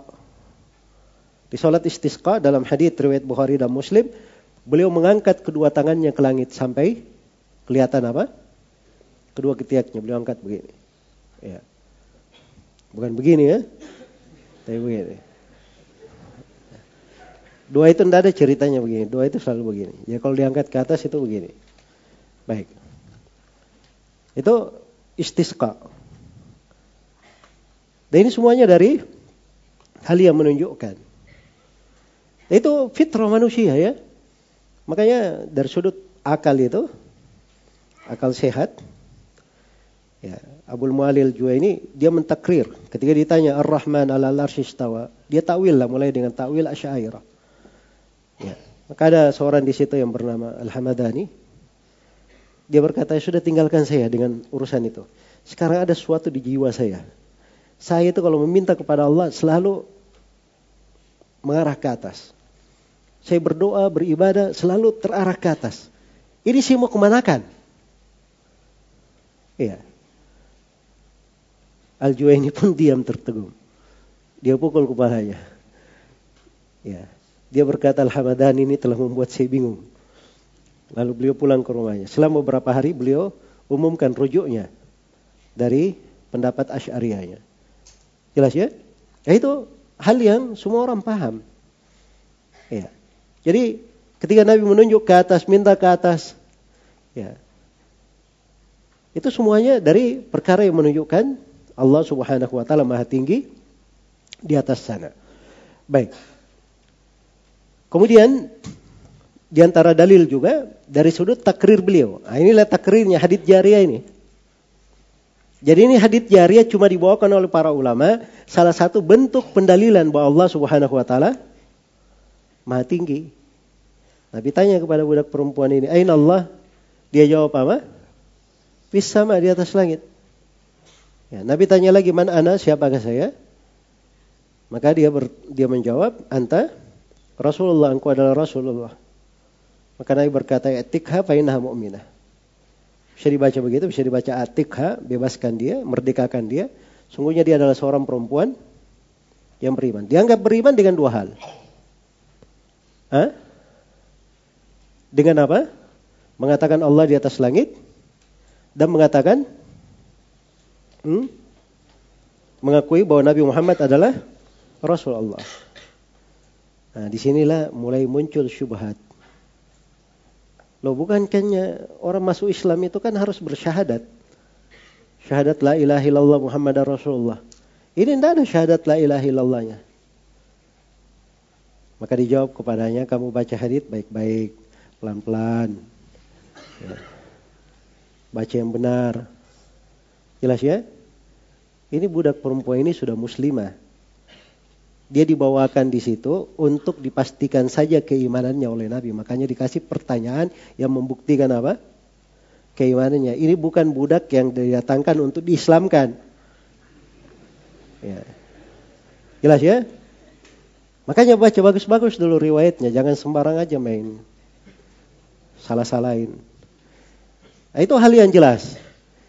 Kemudian dari hadits jariah ini Ya, dipetik darinya pendalilan oleh para ulama. Ini di antara faidah-faidah ya yang terdapat di hadits jariah. Terdapat pendalilan bolehnya bertanya ain Allah, di mana Allah? Ya. Pendalilan bolehnya bertanya di mana? Di mana Allah? Dan ini tegas ya di dalam hadis. Dan ini diberi nas oleh sejumlah aimah. Di antaranya Uthman bin Said Ad-Darimi Imam Said Ad-Darimi menegaskan bahwa ini hadis adalah dalil bolehnya bertanya, Ain Allah, di mana Allah? Dan bolehnya menguji keimanan dengan hal tersebut. Iya. Jelas ya? Baik. Dan Nabi Shallallahu Alaihi Wasallam yang yang seperti ini itu tidak berlaku pada Nabi saya, karena itu para sahabat juga ada yang bertanya tentang itu. Ingat kisahnya Ibnu Umar membeli seorang budak Iya. Membeli seorang budak. Karena dia ingin uji keimanan budak ini. Ya. Dia katakan, jadi budak ini mengembala, mengembalai kambing, kemudian kata Ibu Umar, jual kambing itu satu ke saya. Kata budak ini bukan milik saya, milik tuan saya. Kata Ibu Umar, kan gak ada yang melihat kita di sini. Jual saja satu sama saya. Maka kata orang ini, di mana yang di atas? Jelas ya? Nah, maka dengan itulah Ibnu Umar membeli budak tersebut dan membebaskannya. Karena dilihat apa? Keimanannya. Itu berjalan di tengah para sahabat. Iya. Nah ada Ibnu Umar berkata, kamu ini musyabbiha.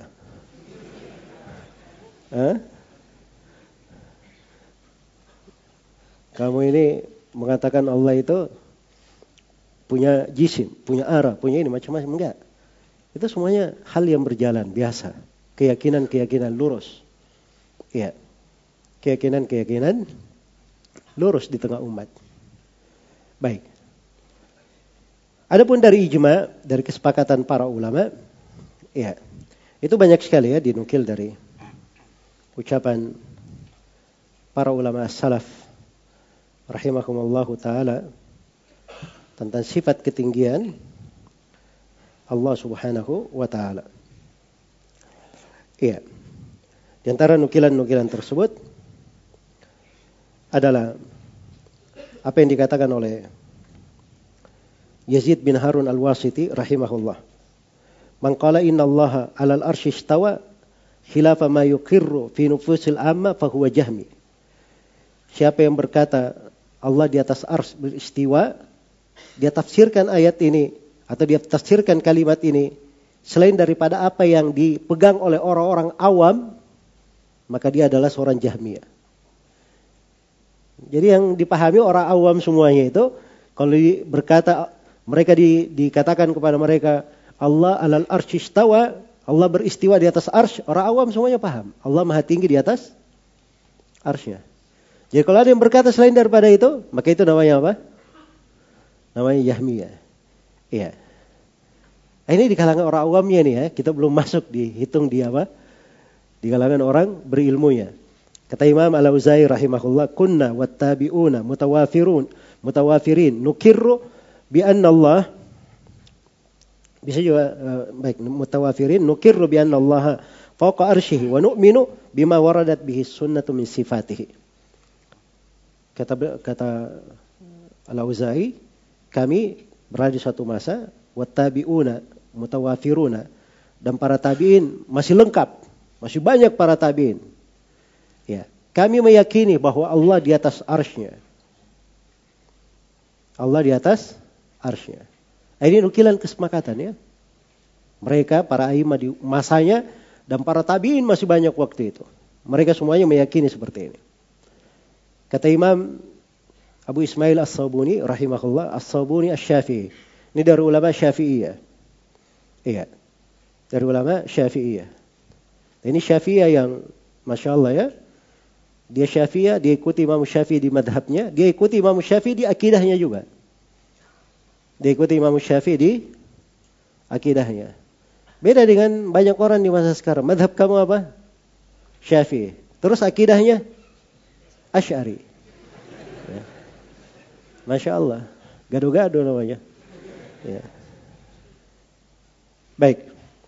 Kata Sabuni rahimahullah wa ulamaul ummah wa ayanul a'imma minas salafi rahimahumullah lam yakhtalifu fi anna Allah ta'ala ala arshihi wa arshuhu fawqa samawatihi. Kata beliau ulama umat dan tokoh-tokoh dari para a'immah dari karangan para salaf itu tidak ada silam pendapat bahwa Allah Ta'ala di atas arsnya dan arsy Allah di atas langitnya. Nah arsy Allah di atas langitnya. Iya. Dan kisah Imam Malik yang masyhur ya, yang populer.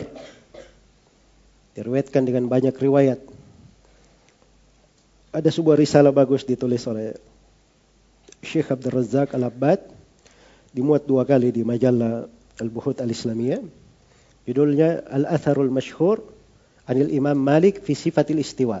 Itu bagus ya khusus tentang pembahasan sifat istiwa. Dan bagaimana ucapan Imam Malik, riwayat-riwayatnya di dalam hal itu. Jadi Imam Malik ketika ada yang bertanya kepadanya tentang ayat Ar-Rahman alal arsy istawa, Ar-Rahman di atas arsnya beristiwa. Bagaimana istiwanya? Maka Imam Malik rahimahullahu taala marah. Memerah wajahnya. Terbentang urat-urat lehernya. Lalu beliau berkata, Al-istiwa'u maklum. Istiwa itu dimaklumi. Dari sudut mana dimaklumi apa itu istiwa. Wal kaifu gairu ma'kul. Adapun bagaimananya itu tidak bisa dipahami. Di sebuah riwayat majhul, tidak diketahui bagaimananya. Wal imanu bihi wajib. Beriman bahwa Allah beristiwa adalah wajib. Wasu'alu anhu bid'ah. Dan bertanya tentang hal itu adalah apa? Adalah bid'ah. Dan ini kaidah Imam Malik rahimahullah disepakati oleh para ulama yang datang setelahnya dan dijadikan sebagai kaidah untuk mengukur seluruh sifat-sifat Allah. Sama seperti itu. Bukan istiwa saja. Semua sifat Allah tanyakan seperti itu. Kalau ada yang tanya, misalnya bagaimana sifat wajah Allah. Katakan wajah itu dimaklumi mananya. Kefiatnya tidak ada yang tahu. Beriman bahwa Allah memiliki wajah itu adalah wajib. Bertanya tentangnya adalah apa? Adalah bid'ah. Kalau mau dilanjutkan perbuatan Imam Malik ya silahkan aja. Imam Malik kan perbuatannya setelah itu yang bertanya diusir keluar dari majelisnya. Jelas ya? Tapi kadang-kadang kalau di masa sekarang ini tidak cocok ya kita bukan pemerintah. Kalau Imam Malik di masa dahulu beliau memang disegani dan diizinkan oleh pemerintah untuk hal tersebut. Baik. Jadi ini dari hal-hal yang jelas di tengah para ulama rahimahumallahu taala. Jadi kalau disebut semua nukilan-nukilan dari para ulama ini banyak sekali ya nukilan kesepakatan di dalam hal ini. Iya. Saya bacakan sedikit dari ucapan apa namanya para ulama rahimahumallahu taala tentang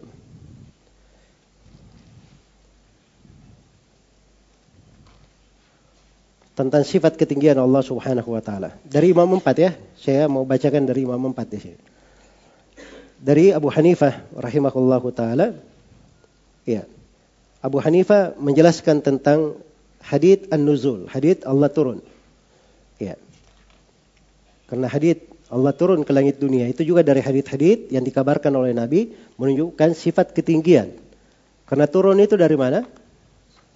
Dari atas ke bawah kan begitu. Baik. Jadi kata beliau yanzilu bila kaifin. Allah itu turun. Sebagaimana yang dikabarkan tapi tidak ada pembagaimanaannya. Jangan tanya bagaimananya. Ini sejalan dengan kaidahnya para salaf. Iya. Dari Abu Hanifah juga beliau berkata, "Wallahu yud'a minal a'la." Allah itu dilakukan ibadah kepadanya, lakukan doa kepadanya itu dari arah atas. La minal asfal, bukan dari bawah. Iya. Baik. Kemudian di antara ucapan Abu Hanifah, dan ini dinukil oleh Ibn Al-Qayyim, Imam Al-Dhahabi, Ibn Qudama, ya.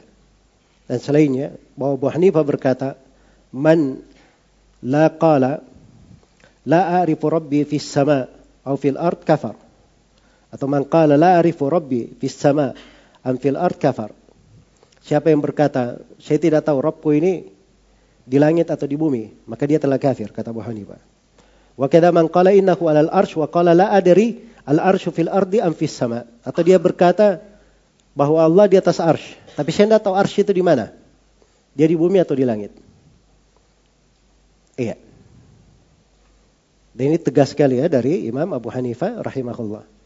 Karena mereka pahami ini usul etikat. Dari pokok keyakinan. Bayangkan Nabi menjadikannya ciri apa? Ciri keimanan. Ya.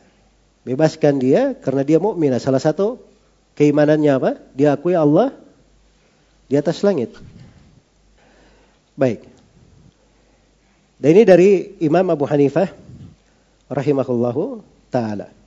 Adapun Imam Malik saya sudah bacakan ya dari ucapan beliau bagaimana beliau ditanya ya tentang hal tersebut. Baik.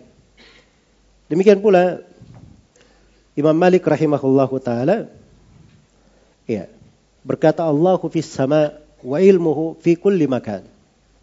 Allah di atas langit dan ilmunya di semua tempat. Ilmunya di semua tempat. Jadi Allah di atas langit. Di semua tempat itu apa? Allah maha mengetahui segala kejadian, segala apa pun di semua tempat. Iya. Di sebagian riwayat, la yakhlu ilmuhu makan, ilmuhu makan. Tidak ada satu tempat pun yang lepas dari ilmu Allah. Maksudnya, semuanya dilingkup dan diketahui oleh Allah subhanahu wa ta'ala. Baik. Dan ini dari kalimat-kalimat yang populer dari Imam Malik rahimahullahu taala. Adapun Imam Syafi'i ya. Adapun Imam Syafi'i rahimahullahu taala ya. Telah disebutkan oleh Ibnu Qudama di Itsbat Sifatul Ulu, Ibnu Al-Qayyim, Ad-Dhahabi ya. Dan selainnya ini juga dinukil oleh sebagian murid-murid beliau yang memuat akidah Imam Syafi'i Imam Syafi'i rahimahullahu taala berkata, "Al-qaulu fi sunnah allati ana 'alaiha wa ra'aitu ashabana 'alaiha ahlal hadith." Ucapan tentang sunnah yang saya berada di atasnya dan saya melihat kawan-kawanku ahli hadith mereka berada di atasnya.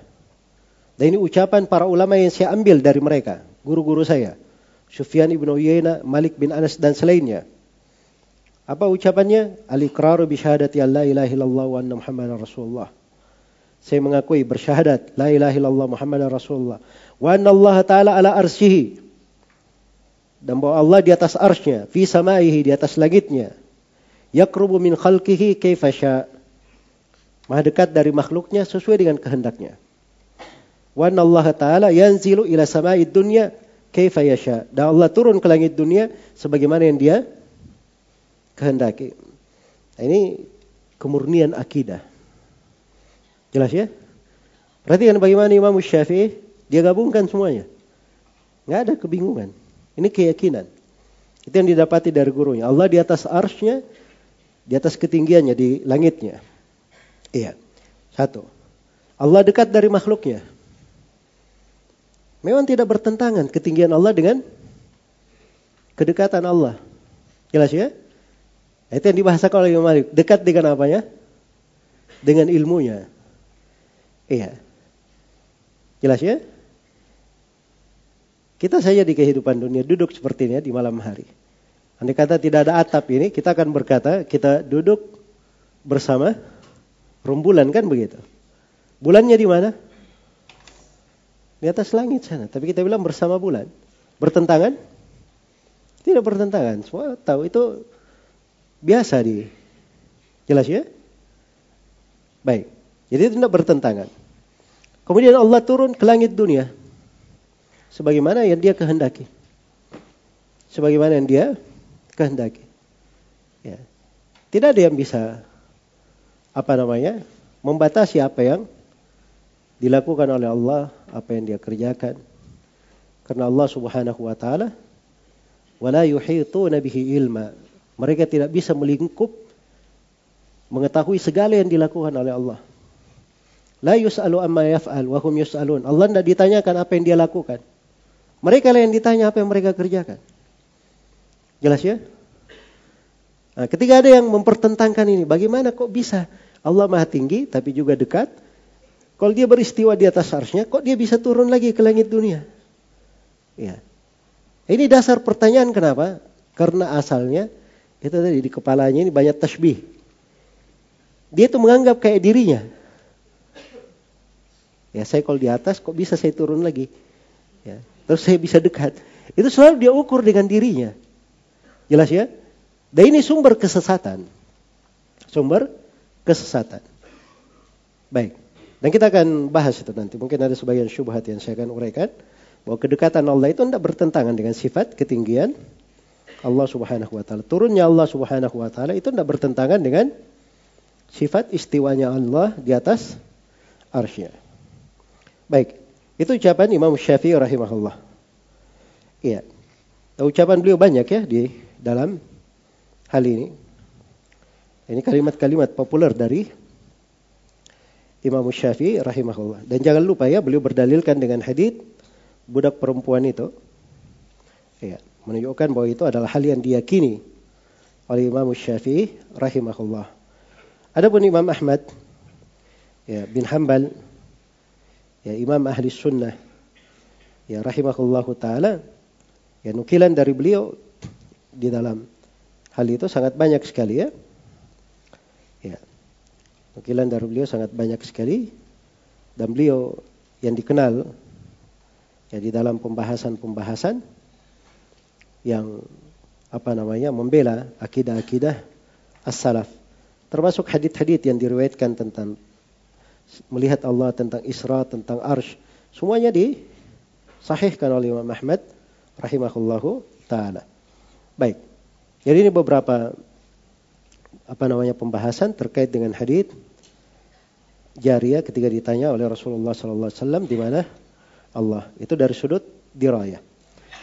Dan terakhir di sini saya ada mau baca sebagian ini di masa sekarang kadang ada sebagian hal yang perlu diluruskan karena yang menjadi masalah ada orang-orang awam kadang yang melihat sebagian perkara kasihan tadinya di atas fitrahnya lalu berubah fitrah itu dengan melihat potongan-potongan ceramah sebagian manusia yang keluar dari jalan yang lurus. Sampai di masa sekarang ini kadang tega juga ya, kita sedih juga melihat anak-anak kecil Bapaknya sendiri yang merubah fitrahnya. Diajari dengan apa? Keyakinan-keyakinan yang keliru. Dibuat dibuat anaknya ini lancang terhadap hadith-hadith Rasulullah, ayat-ayat Al-Quran. Ya. Kalau ada yang berkata begini, oh itu tidak benar. Kan ada hadith, ah masa sih Nabi berucap seperti itu. Nah, itu kan dari kecil anak sudah dibuat Quran aja terhadap hadith Rasulullah Sallallahu Alaihi Wasallam. Baik. Di antara mereka yang menolak hadith apa namanya jariah ini, ya ada yang berkata bahwa pertanyaan di mana Allah itu bukan bertanya tentang tempatnya. Tapi itu bertanya bukan pertanyaan tentang makan, tapi itu pertanyaan tentang makanah. Tentang kedudukan. Iya. Tentang kedudukan. Baik, ini ada yang berkata ya. Jadi tadi itu yang bicara masalah hadith jariah dari segi sanad dan matan. Dia berkata ini dari segi mana kata para ulama wajib ditakwil. Kalaupun sahih ya itu wajib ditakwil katanya. Baik. Kan pertanyaan baginda kepada Jaria, Ain Allah, di mana Allah? Yang ditanyakan bukan makan, bukan tempat. Tapi yang ditanyakan oleh baginda Rasulullah tentang makanah. Makanah artinya derajat dan kedudukan. Maka dijawab fis sama di langit, artinya Allah itu mahalu, mahaluhur. Ya, jadi bukan tempatnya di langit. Mengapa begitu? Karena Allah ini maha suci dari tempat. Ya. Dan ini katanya qat'i. Qat'i itu artinya suatu yang sudah tegas. Aksioma nggak bisa ditolak. Itu qat'i namanya. Dan ini keliru ya di dalam memahami. Keliru di dalam memahami. Iya. Dan ini madhabnya orang-orang yang mentakwil seperti itu. Orang yang mentakwil, dia takwil dengan makana. Takwil dengan makana. Terus mau dikemanakan dalil-dalil yang lain. Yang menunjukkan Allah subhanahu wa ta'ala di atas langit. Ya. Dia tidak bisa. Mau dikemanakan fitrahnya orang. Mau dikemanakan akal sehat. Ya. Mau dikemanakan akal sehat. Itu satu. Terus yang kedua, ahli sunnah itu terkait dengan masalah tempat tidak memiliki tempat atau berarah tidak memiliki arah, mereka tidak masuk-masuk di arah yang seperti itu. Mereka tidak bahas. Karena dimaklumi ahli sunnah itu dalam keyakinan, mereka kalau menetapkan sesuatu harus dengan dalil. Menafikan juga harus dengan dalil. Jadi kalau dia katakan Allah begini, harus disebut dalilnya apa? Kalau dia katakan Allah tidak begini, maka dia juga harus sebut dalilnya apa. Itu ahli sunnah. Jelas ya? Makanya ahli sunnah ketika berbicara tentang sifat istiwa, sifat al-ulu, mereka hanya berbicara apa yang diterangkan saja di dalam Al-Quran dan sunnah. Dalam Al-Quran dan sunnah, di dalil-dalil yang banyak, disebutkan ketinggian Allah di atas langit, mereka sebut Allah maha tinggi di atas di atas langit. Jelas ya? Ya, jangan lagi kalian paksakan. Kalau begitu kalian mengatakan Allah dibatasi oleh tempat. Itu kan akal kamu. Ya. Jelas ya? Itu akal mereka. Jadi itu tidak dibahas terkait dengan hal itu. Ya. Adapun menetapkan bahwa Allah Subhanahu wa taala di atas langit, di arah langit, di arah atas, nah itu ada dari hadis Rasulullah ada di ayat-ayat Al-Quran dan itu yang disepakati oleh para as-salaf rahimahumullahu ta'ala. Baik. Jadi mereka yang menolak-nolak ini dengan alasan ini, ini semuanya dari perkara-perkara yang keliru ya. Ini ada syubhat lain nih.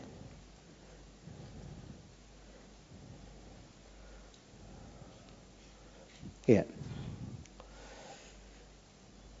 Di, dia katakan di sini, ditanya ya, di mana keberadaan Allah itu Pak Ustadz? Ya, setengah mengatakan di atas, setengah mengatakan di bumi. Maka si Ustadz menjawab, ya menurut saya Pak Ustadz Allah itu di bumi. Kenapa Allah itu di bumi?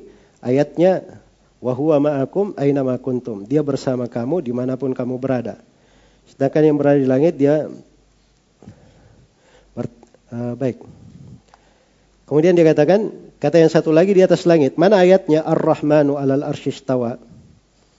Ya, diartikan Allah duduk di atas kursi. Jadi Masya Allah ya penerjemahannya seenaknya saja. Ya, Ar-Rahmanu alal arsyistawa. Arsy itu bukan kursi. Dari mana dia terjemah arsy dengan kursi? Arsy itu menurut kesepakatan ahli bahasa sarirul malik. Tidak ada yang membahasakan kursi. Kursi itu kalau bahasa bahasa Arab itu dari kata al-jama' yang dikumpul. Dikatakan kursi karena dia dikumpul dari kayu-kayu. Nah, bahasa Arab ini kurrasa, lembaran untuk menulis itu disebut kurrasa. Kurrasa dari kata kursi juga kurrasa karena dia kumpulan lembaran-lembaran. Jelas ya? Jadi beda kursi beda apa? Beda arsh. Iya. Beda arsh. Ya bagi mereka itu tidak terlalu penting. Arsh kursi karena ujung-ujungnya pasti ditakwil. Jelas ya? Makanya teliti di mana yang seperti itu, itu kurang peka untuk sebagian manusia. Semoga Allah memaafkan. Istiwa diartikan duduk. Ini juga dari mana dia? Dia sendiri mengartikan duduk di sini ya. Dan itu tidak ada ahli sunnah yang menafsirkan duduk, istiwa. Istiwa itu disebut oleh Ibnul Qayyim, di mana secara bahasa cuman empat saja. Yang paling populernya ada dua. Al-ulu wal irtifa. Yang ketiga as-sa'ud. Ini disebut oleh sebagian ahli bahasa. Dan yang keempat adalah al-istiqrar. Yang tetap di atas sesuatu. Jelas ya? Istiqrar. Jadi empat makna. Tidak ada makna duduk. Tidak disebut julus, tidak ada. Karena itu ahli sunnah tidak pernah menyinggung. Saya sudah sebutkan ya, kalau kamu bilang Allah itu duduk, apa dalilnya? Kalau kamu bilang Allah itu tidak duduk, juga tanya apa dalilnya. Makanya hal yang seperti ini ahli sunnah tidak bahas. Nah, itulah dari keteliti, ketelitian ahli sunnah. Karena itu saya selalu ingatkan ya bahwa jangan diartikan istiwa itu bermana bersemayam. Bersemayam itu dalam kamus bahasa Indonesia duduk di atas apa? Di atas kursi ada makna duduknya. Dan itu tidak benar ya, diartikan bersemayam. Dibilang saja Allah beristiwa di atas di atas arsnya. Baik. Katanya oleh sebab itu akidah ahli sunnah wal jamaah apa kata Sayyidina Ali alladhi ayyana al-ain la yuqalu lahu ain. Ya. Dia katakan dia yang sudah ada sebelum waktu dan tempat, maka tidak layak ditanya dia berada di mana. Nah, ini bahasa ya, alladhi ayyana al-aina la yuqalu lahu aina. Kalau diterjemahkan, dia yang membuat aina yang menentukan aina di mana, itu tidak ditanya dia itu di mana. Itu dinisbatkan kepada Ali bin Abi Thalib. Ada yang menisbatkannya kepada hadits Nabi, tapi itu hadits palsu, disebut oleh Syekhul Islam Ibn Taimiyah. Ada yang menisbatkannya kepada bin Abi Thalib, dan itu tidak ditemukan di buku-buku sunnah. Ya. Biasanya hanya diketemukan di buku-bukunya Syiah saja. Jelas ya? ya ini tidak tahu dari mana dia dasarnya.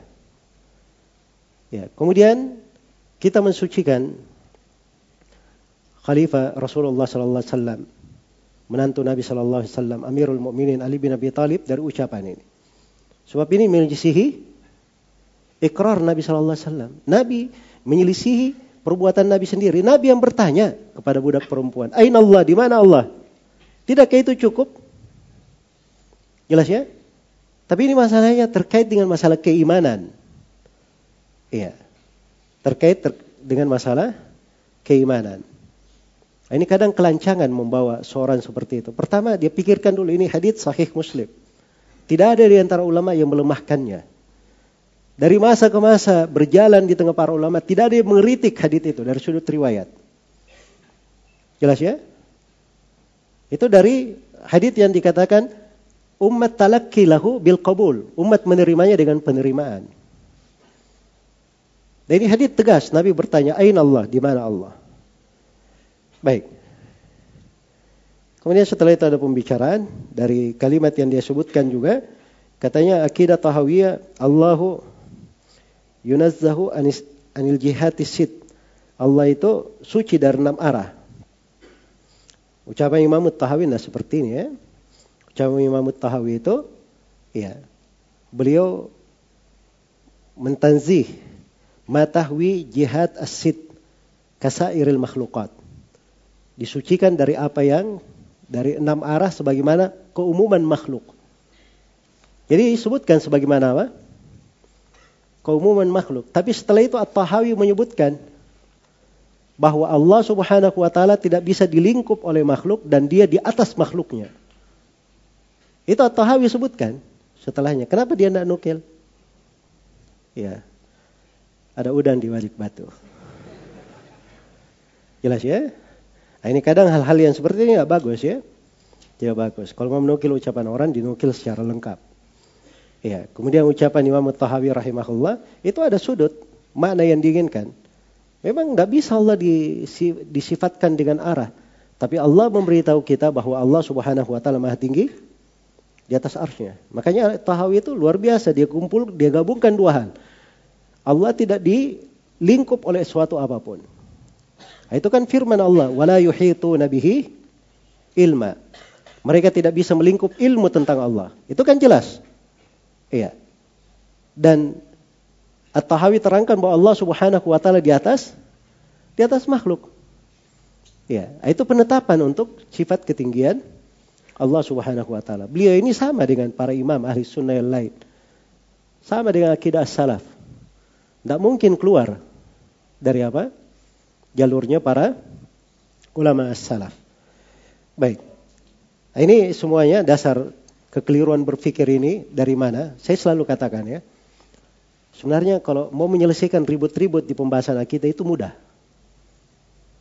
Ya. Bagaimana cara menyelesaikannya? Semuanya kalau kita tanya, agama ini berasal dari mana? Diambil dari siapa? Dari Rasulullah Sallallahu Alaihi Wasallam, ya kan? Baik, Nabi mengajarkannya kepada siapa? Kepada para sahabat. Terus para sahabat mengajarkannya kepada siapa? Kepada para tabiin. Para tabiin mengajarkannya kepada siapa? Tabiin tabiin. Baik, ini tiga generasi, tidak ada silam pendapat mereka. Tanya dah mereka. Baca buku-buku akidah dari situ. Jelas ya? Nukilan-nukilan dari situ. Akan selesai masalah. Karena mereka ini tidak pernah bersilam pendapat di pokok-pokok akidah. Nanti takwil-takwil ini muncul, yaitu di masa belakangan. Di masa belakangan munculnya. Karena selalu main di situ, akhirnya ribut di situ terus. Dia tinggalkan apa yang disepakati oleh para ulama terdahulu. Dia tinggalkan warisan Nabi dan para sahabatnya. Itu letak kekeliruannya.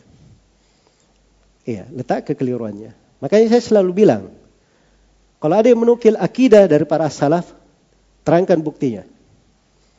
Mana buktinya? Dari Al-Quran, dari hadith, dan mana buktinya? Ada as-salaf yang berucap seperti itu. Iya. Kalau dia pembahasan akidah jelas, pasti ada di buku-buku para ulama tentang hal itu. Itulah sampai sekarang pembahasan-pembahasan yang dibahas oleh ahli sunnah seputar akidah, semuanya ada buku-bukunya. Sampai hari ini kita riwayatkan dengan sanat yang bersambung ke buku-buku itu. Ya, bukan bersambung di sanat saja, kita ambil dari guru secara langsung dari mulut. Pemahamannya juga kita ambil dari guru. Karena ini bukan masalah yang samar. Ini akidah yang memasukkan seorang ke dalam apa? Ke dalam sorga, menyelamatkannya dari api neraka. Tidak mungkin Nabi itu samar-samar menjelaskannya. Tidak mungkin. Jelas ya? Masa saya pahami begini, oh kamu ini cuma mengerti lahirnya saya. Batinnya nggak tahu. Ya, tidak mungkin seperti itu pembahasan agama. Apalagi ini masalah-masalah pokok. Ya, harusnya agama itu mudah, gampang diterima oleh orang. Semua orang bisa memahami. Nah, itulah ciri akidah para as-salaf. Baca saja buku-buku akidah mereka, pelajari, terang semuanya tadi dalilnya. Ini dalilnya apa dari Al-Quran, ini dalilnya dari hadith. Ya, ucapan para ulama, ini kesepakatan. Dan seterusnya.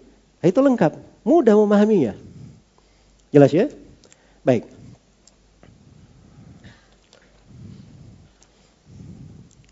Baik, satu lagi ya.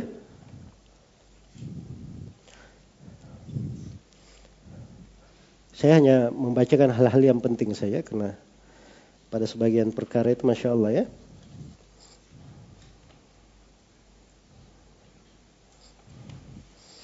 Ya, jadi ini ada yang ditanya juga tentang apa benar Allah di atas arsnya?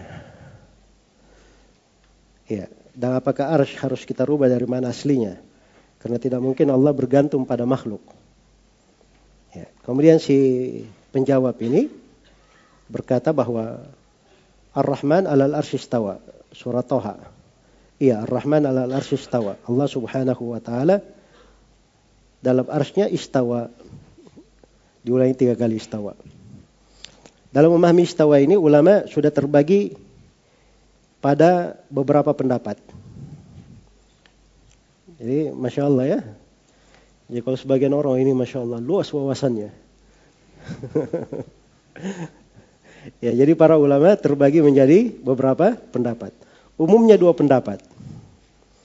Ada yang mengatakan sudah menempatkan sesuatu pada hukum ayatnya saja. Namanya tafwid katanya.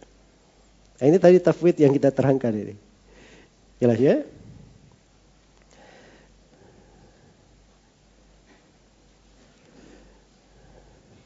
Baik. Mengembalikan tafwid itu mengembalikan makna kepada apa yang diketahui oleh Allah Subhanahu wa taala. Baik. Qur'annya berkata Ar-Rahman. Allah Rahman itu alal arsy istawa. Di atas arsnya istiwa. Jadi ada arsy. Yang di arsy itu Allah beristiwa. Apa makna istiwa itu? Apakah menguasai atau berdiam atau bertempat ataukah ada di situ? Nah, kata pendapat pertama istiwa ini malum, diketahui. Sesuai dengan pengetahuan Allah. Nah, ini syubhat. Sebagian orang dia bahasakan Imam Malik. Ketika Imam Malik berkata istiwa maklum. Nah, itu diarahkan kepada ucapannya siapa? Mufawwidah. Bahwa ini Imam Malik mengatakan dimaklumi maknanya bukan oleh kita. Tapi dimaklumi oleh siapa? Oleh Allah. Ya. Jadi gampang ya dipelintir-pelintir ucapan para ulama. Dan Imam Malik rahimahullah ya sama dengan para imam salaf yang lain. Mereka itu tidak ada yang meragukan tentang makna. Maknanya itu dimaklumi. Maknanya dimaklumi. Mereka tetapkan makna. Nah, itu sama dengan ucapan as-salaf. Amir ruha kama ja'at. Biarkan sebagaimana datangnya. Nah, ini oleh mufawwidah diartikan Biarkan maknanya, jangan dibahas. Iya. Padahal mereka tidak memaksudkan itu. Buktinya mereka berkata, Amir ruha kama ja'at bila kaifin. Tanpa pembagaimanaan. Jadi andai kata tidak dibahas sama sekali, ya, tidak ditetapkan sifat di situ, untuk apa dibilang tidak ada kaifiat?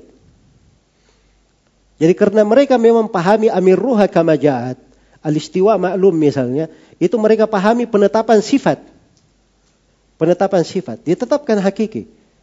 Tapi ingat, jangan dibagaimanakan. Karena itu mereka tambah bila kaifin, tanpa pembagaimanaan. Itu yang datang dari Sufyan ibnu Uyainah tentang bagaimana mana dari sifat itu. Kata beliau, tafsiruha kira'atuha. Menafsirkan sifat itu adalah membacanya. Jadi baca sifatnya, itulah tafsirnya. Ar-Rahman alal arsh istawa. Istawa, baca saya, istawa. Itu tafsirnya. Istawa dimaklumi itu maknanya. Orang paham. Iya. Illa batiga'a wajhi rabbikal ala. Wajah. Wajah. Baca saja wajah. Selesai itu tafsirnya. Semua orang paham wajah itu apa. Jelas ya? Bal yadahu mabsutatan. Apa artinya yadah? Baca saja yadahu. Ya itu tangan. Semua orang paham. Jelas ya? Jadi dari sudut mana mereka pahami. Nah, ini keliru ya di dalam memahami dari ucapan para ulama rahimahumullahu taala.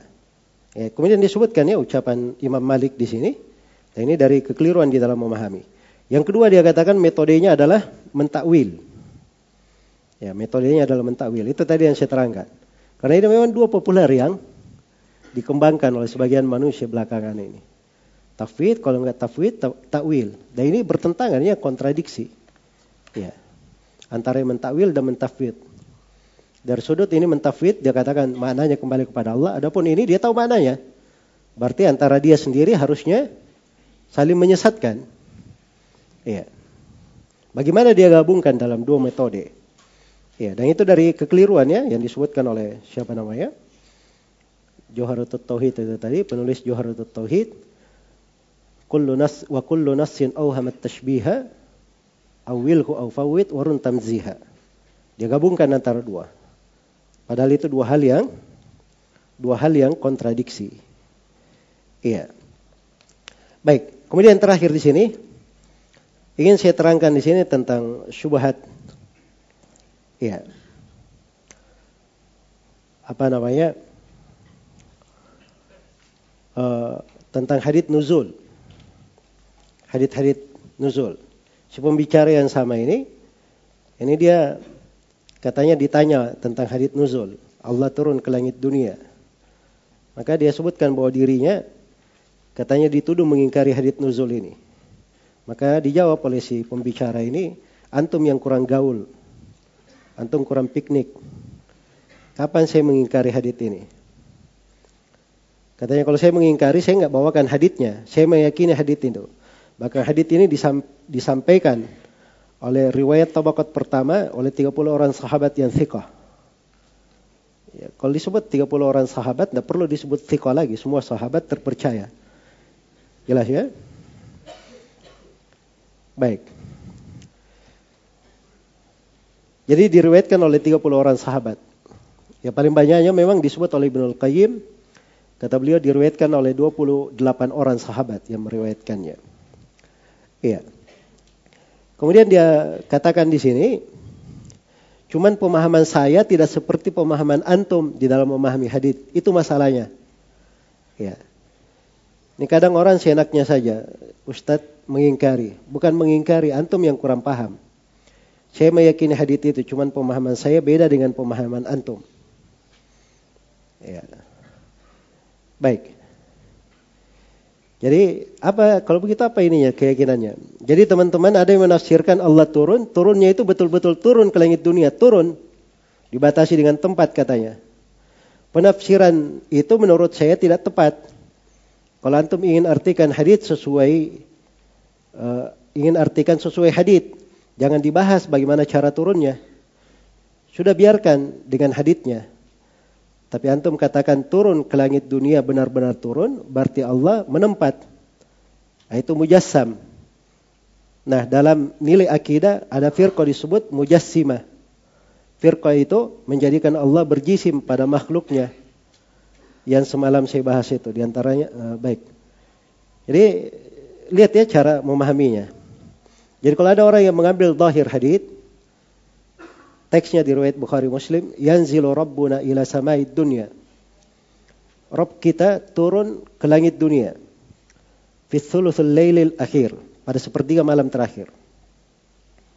Pada sepertiga malam terakhir. Qala kemudian Allah berfirman, Hal min sa'ilin fa'utiyah? Apakah ada yang meminta aku beri permohonannya. Hal min da'in fastajibalah. Apakah ada yang berdoa, aku kabulkan untuknya. Hal min mustaghfirin faghfiralah. Apakah ada yang mohon ampun, aku akan ampuni untuknya. Jadi ini ketika orang baca, Rob kita turun ke langit dunia. Orang yang membacanya cukup diartikan saja, Allah turun ke langit dunia. Itu kan penafsirannya sebagaimana yang dikatakan oleh Sufyan Ibnu Uyainah. Tafsirnya baca saja. Seperti itu yang diyakini. Turun ke langit dunia, turun benaran. Iya. Jelas ya? Bagaimana turunnya? Ah, inilah letak permasalahan dia. Sebab dia pahami seperti dirinya turun. Ya, makanya langsung dia beri konsekuensi. Kalau begitu Allah itu perlu tempat. Kalau begitu Allah itu berjisim. Nah, itu dia masukkan sendiri dirinya ke masalah. Ya. Karena asalnya dia sudah apa? sudah berpemikiran mujassima juga. Tapi repotnya dia tuh orang mujassima. Ya. Dia tuh orang mujassima. Dan ini tidak benar ya. Tidak benar. Baik. Terus masalah lainnya katanya. Ini dia sebut juga di antara masalah lain. Ya. Dia kasih contoh sederhana begini. Yang di Papua dengan Lampung beda dua jam. Duluan Papua. Kalau antum artikan hadith akhir malam dengan Allah turun, misalnya Allah turun di dunia, di situ ada. Ketika Allah turun di Papua, mana orang Lampung? Ketika Allah turun di Lampung, berarti meninggalkan Papua. Sedangkan sifat Allah meliputi seluruh alam, tidak dibatasi dengan tempat. Nah ini sudah paham ya, letak kekeliruannya memahami di mana. Sebab dia selalu ukur dulu dengan dirinya sendiri kayak begitu. Ya. Itu kan makhluk seperti itu. Ini berbicara tentang Allah. Jangan serupakan Allah dengan makhluk. Jelas ya? Allah itu maha mampu atas segala sesuatu. Bisa melakukan hal-hal yang makhluk itu tidak bisa melakukannya. Iya. Baik. Kemudian di apa namanya? Dan di dalam uh, pembahasan syubhat ini, ini terlalu banyak ya orang seperti ini cara berpikirnya. Katanya dalam kalau kita lihat di penjuru dunia ini, ya itu tidak selalu dikatakan. Ini sepertiga malam di sini, di sana sepertiga malam, sama semuanya. Tapi ada di sini malam, ada di sini siang. Kan begitu. Nah, ini mereka anggap tidak seperti itu di dalam memahami hadis. Baik. Nah, ini syubhat ini dari semenjak dahulu sudah ada yang menyampaikannya dan sudah dibahas oleh para ulama rahimahumallahu taala. Iya. Dan pokoknya kalau kita mengerti tadi terkait dengan apa namanya? Terkait dengan mana takwil, kemudian mana tafwid dan bagaimana kekeliruan takwil dan tafwid ini, maka akan mudah insyaallah taala memahami hadith-hadith yang seperti ini. Baik, saya beri ya beberapa contoh hadith dari Rasulullah Sallallahu Alaihi Wasallam, ya supaya kita paham. Nabi Sallallahu Alaihi Wasallam pernah bersabda di hadith riwayat Muslim dari hadith Abu Hurairah, "Idza qala al-abdu Alhamdulillahi Rabbil Alamin." Ya, kalau si hamba berkata Alhamdulillahi Rabbil Alamin, Allah berfirman apa? Hah? Hamidani abdi, hambaku memujiku. Kalau hamba sholat terus lalu dia baca Ar-Rahmanir Rahim, maka Allah berfirman athna alayya abdi. Kalau dia baca Malik Yawmiddin, maka Allah berfirman majjadani abdi. Kalau hamba berkata iyyaka na'budu wa iyyaka nasta'in, maka Allah berfirman hada baini wa bain abdi wa li abdi masa'al. Ya, baik. Semua manusia bermunajat kepada Allah. Hah? Semua umat Islam membaca surah yang sama. Di berbagai tempat, berbagai bahas, apa namanya di berbagai tempat, berbagai waktu. Iya. Berbagai waktu. Pertanyaannya Allah Subhanahu wa taala pada setiap hamba yang berucap seperti itu dia, dia balas seperti itu? Saya tanya. Dia balas seperti itu? Iya, karena Allah kabarkan. Ya. Bagaimana caranya? Nah, itulah masalahnya. Kenapa kamu tanya-tanya? Ya. Itu bukan ranah kamu untuk bertanya hal yang seperti itu. Jelas ya? Ini hal semua orang paham, tidak ada kontradiksi di dalam hal itu. Jelas ya? Allah Subhanahu wa taala memberi rezeki. Ini misalnya bertambah ilmu, sana bertambah kekayaan, sana bertambah istri, sana bertambah bertambah bertambah. Semuanya dikasih tambahan satu saat. Allah yang memberi rezeki kepadanya. Tidak usah ditanyakan, itu semuanya ada. Tapi tidak ada kontradiksi di dalam perbuatan Allah Subhanahu wa taala. Baik. Lebih daripada itu ini matahari ya. Kita lihat matahari. Bergerak satu gerakan. Iya. Dia terbit, terbenam kan begitu? Terbit, terbenam. Matahari yang terbit terbenam ini itu kepada kaum yang beraneka ragam. Iya. Kepada kaum yang beraneka ragam. Ada yang musim dingin, ada yang musim panam, ada yang musim salju, ada yang musim semi, macam-macam. Padahal dia gerakan satu kali gerakan semuanya. Dan ini mencakup semuanya. Mencakup semuanya. Jelas ya? Kalau makhluk saja Allah atur seperti itu, apa hal yang tidak mudah bagi Allah? Kalau Allah sudah kabarkan sesuatu. Jelas ya? Cuman jangan dikiaskan Allah itu dengan kamu sendiri Ini kan selalu dia pikir dirinya. Ya. Selalu dia pikir dirinya. Kalau saya di Indonesia sepertiga malam, di Amerika masih masih siang. Nah, itu kan diri kamu. Ya. Jelas ya? Maka seorang itu paling enaknya dia baca sebagaimana datangnya. Ya begitu Allah subhanahu wa ta'ala mengabarkan dirinya turun ke langit dunia. Nah, itu makna keimanan. Masya Allah dia bergembira. Nah, ini waktu mustajabah. Dia semakin mantap. Semakin semangat berdoa kepada Allah. Memohon ampunan. Tapi kalau dia dengar hadit ini. Sepertiga malam terakhir dia pikir turun. Ya ini Papua. Eh, Amerika. Kapan dia mau istighfar dan tobat kepada Allah? Jelas ya? Karena itu Al-Ghazali rahimahullah, Al-Ghazali, Abu Hamid Al-Ghazali. Bisa dibaca Al-Ghazali, bisa dibaca Al-Ghazali.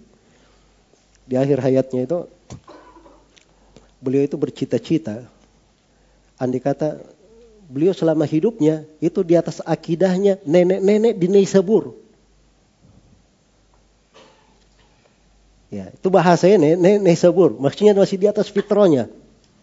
Masih di atas fitrahnya. Beliau nyesali kehidupannya setelah belajar filsafat, ilmu kalam, akidah, menyimpang. Kalau baca ayat dan hadis itu tak pernah tenang. Ini ayat apa ini maksudnya? Kenapa begini? Tawilnya apa? Eh, kan begitu konsekuensinya kalau dia baca. Nah, ini harus diartikan begini, harus diartikan begitu. Beda dengan nenek-nenek sabur, baca ayat, dia imani kandungannya, dia jalankan. Masya Allah semuanya apa? hal yang tenang sesuai dengan fitrah. Ya. Dan perkara yang sesuai dengan fitrah itu ya kebanyakannya lebih masuk akal. Lebih apa? Lebih masuk akal dan membuat orang berakal lebih apa? Lebih baik. Nah, seperti yang sering saya sebutkan ya tentang nenek-nenek tua yang berjemur di depan rumahnya itu. Dilewati oleh siapa? Bakhruddin Ar-Razi dan murid-muridnya. Wah ini hal yang membuat nenek-nenek ini heran. Masya Allah ini orang diikuti banyak manusia. Siapa dia ini? Orang penting. Nah, dia tanya ke murid-muridnya, siapa orang itu? Muridnya menjawab dengan bangganya, wah ibu kamu gak kenal siapa dia? Kata nenek tua siapa dia? Seorang raja kah bukan? Seorang menteri kah bukan? Seorang pembesar kah bukan? Eh, bukan, bukan. Kalau begitu siapa dia? Kata muridnya dengan bangga, dia adalah orang yang memiliki seribu dalil Allah itu ada. Nah, itu hebat bagi murid-muridnya. Dia punya seribu dalil, Allah itu ada. Ini dalil-dalil akal ini. Apa kata nenek tua ini di atas fitrahnya? Uffillahu, betapa celakanya orang ini. Afillahi syak. Apa kepada Allah ada keraguan? Nah, itu fitrah itu. Jadi sesuatu yang meragukan saja dicarikan seribu dalil. Ya, dia jawab dengan fitrahnya. Allah itu tidak ada keraguan. Afillahi syakkun fatiris samawati wal ard. Itu kelanjutan ayat Al-Quran. Apa kepada Allah keraguan? Dia menciptakan langit dan bumi. Cukup itu ciptanya membuat kita tidak ada ragu. Gak usah tanya-tanya. Jelas ya bikin seribu dalil. Ya, Ibaratnya kita menantang di siang hari yang bolong. Sudah kepanasan, dia tantang lagi. Apa dalilnya matahari lagi terbit? Ada seribu dalil. Satu, dua, tiga. Nah, ini semuanya hal yang di luar apa? Di luar fitrah. Karena itu keimanan itu sangat indah sekali.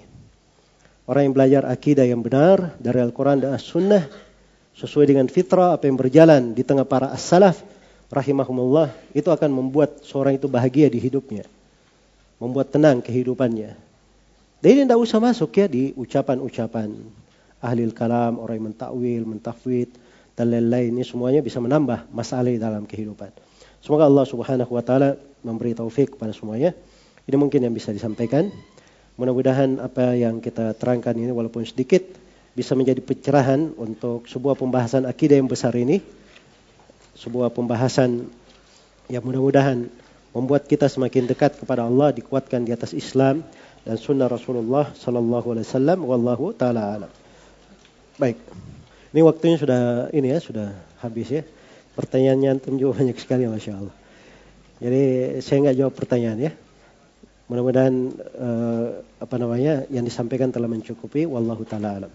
Subhanakallahumma bihamdik asyhadu an la ilaha illa anta أستغفرك وأتوب إليك والحمد لله رب العالمين والسلام عليكم ورحمة الله وبركاته.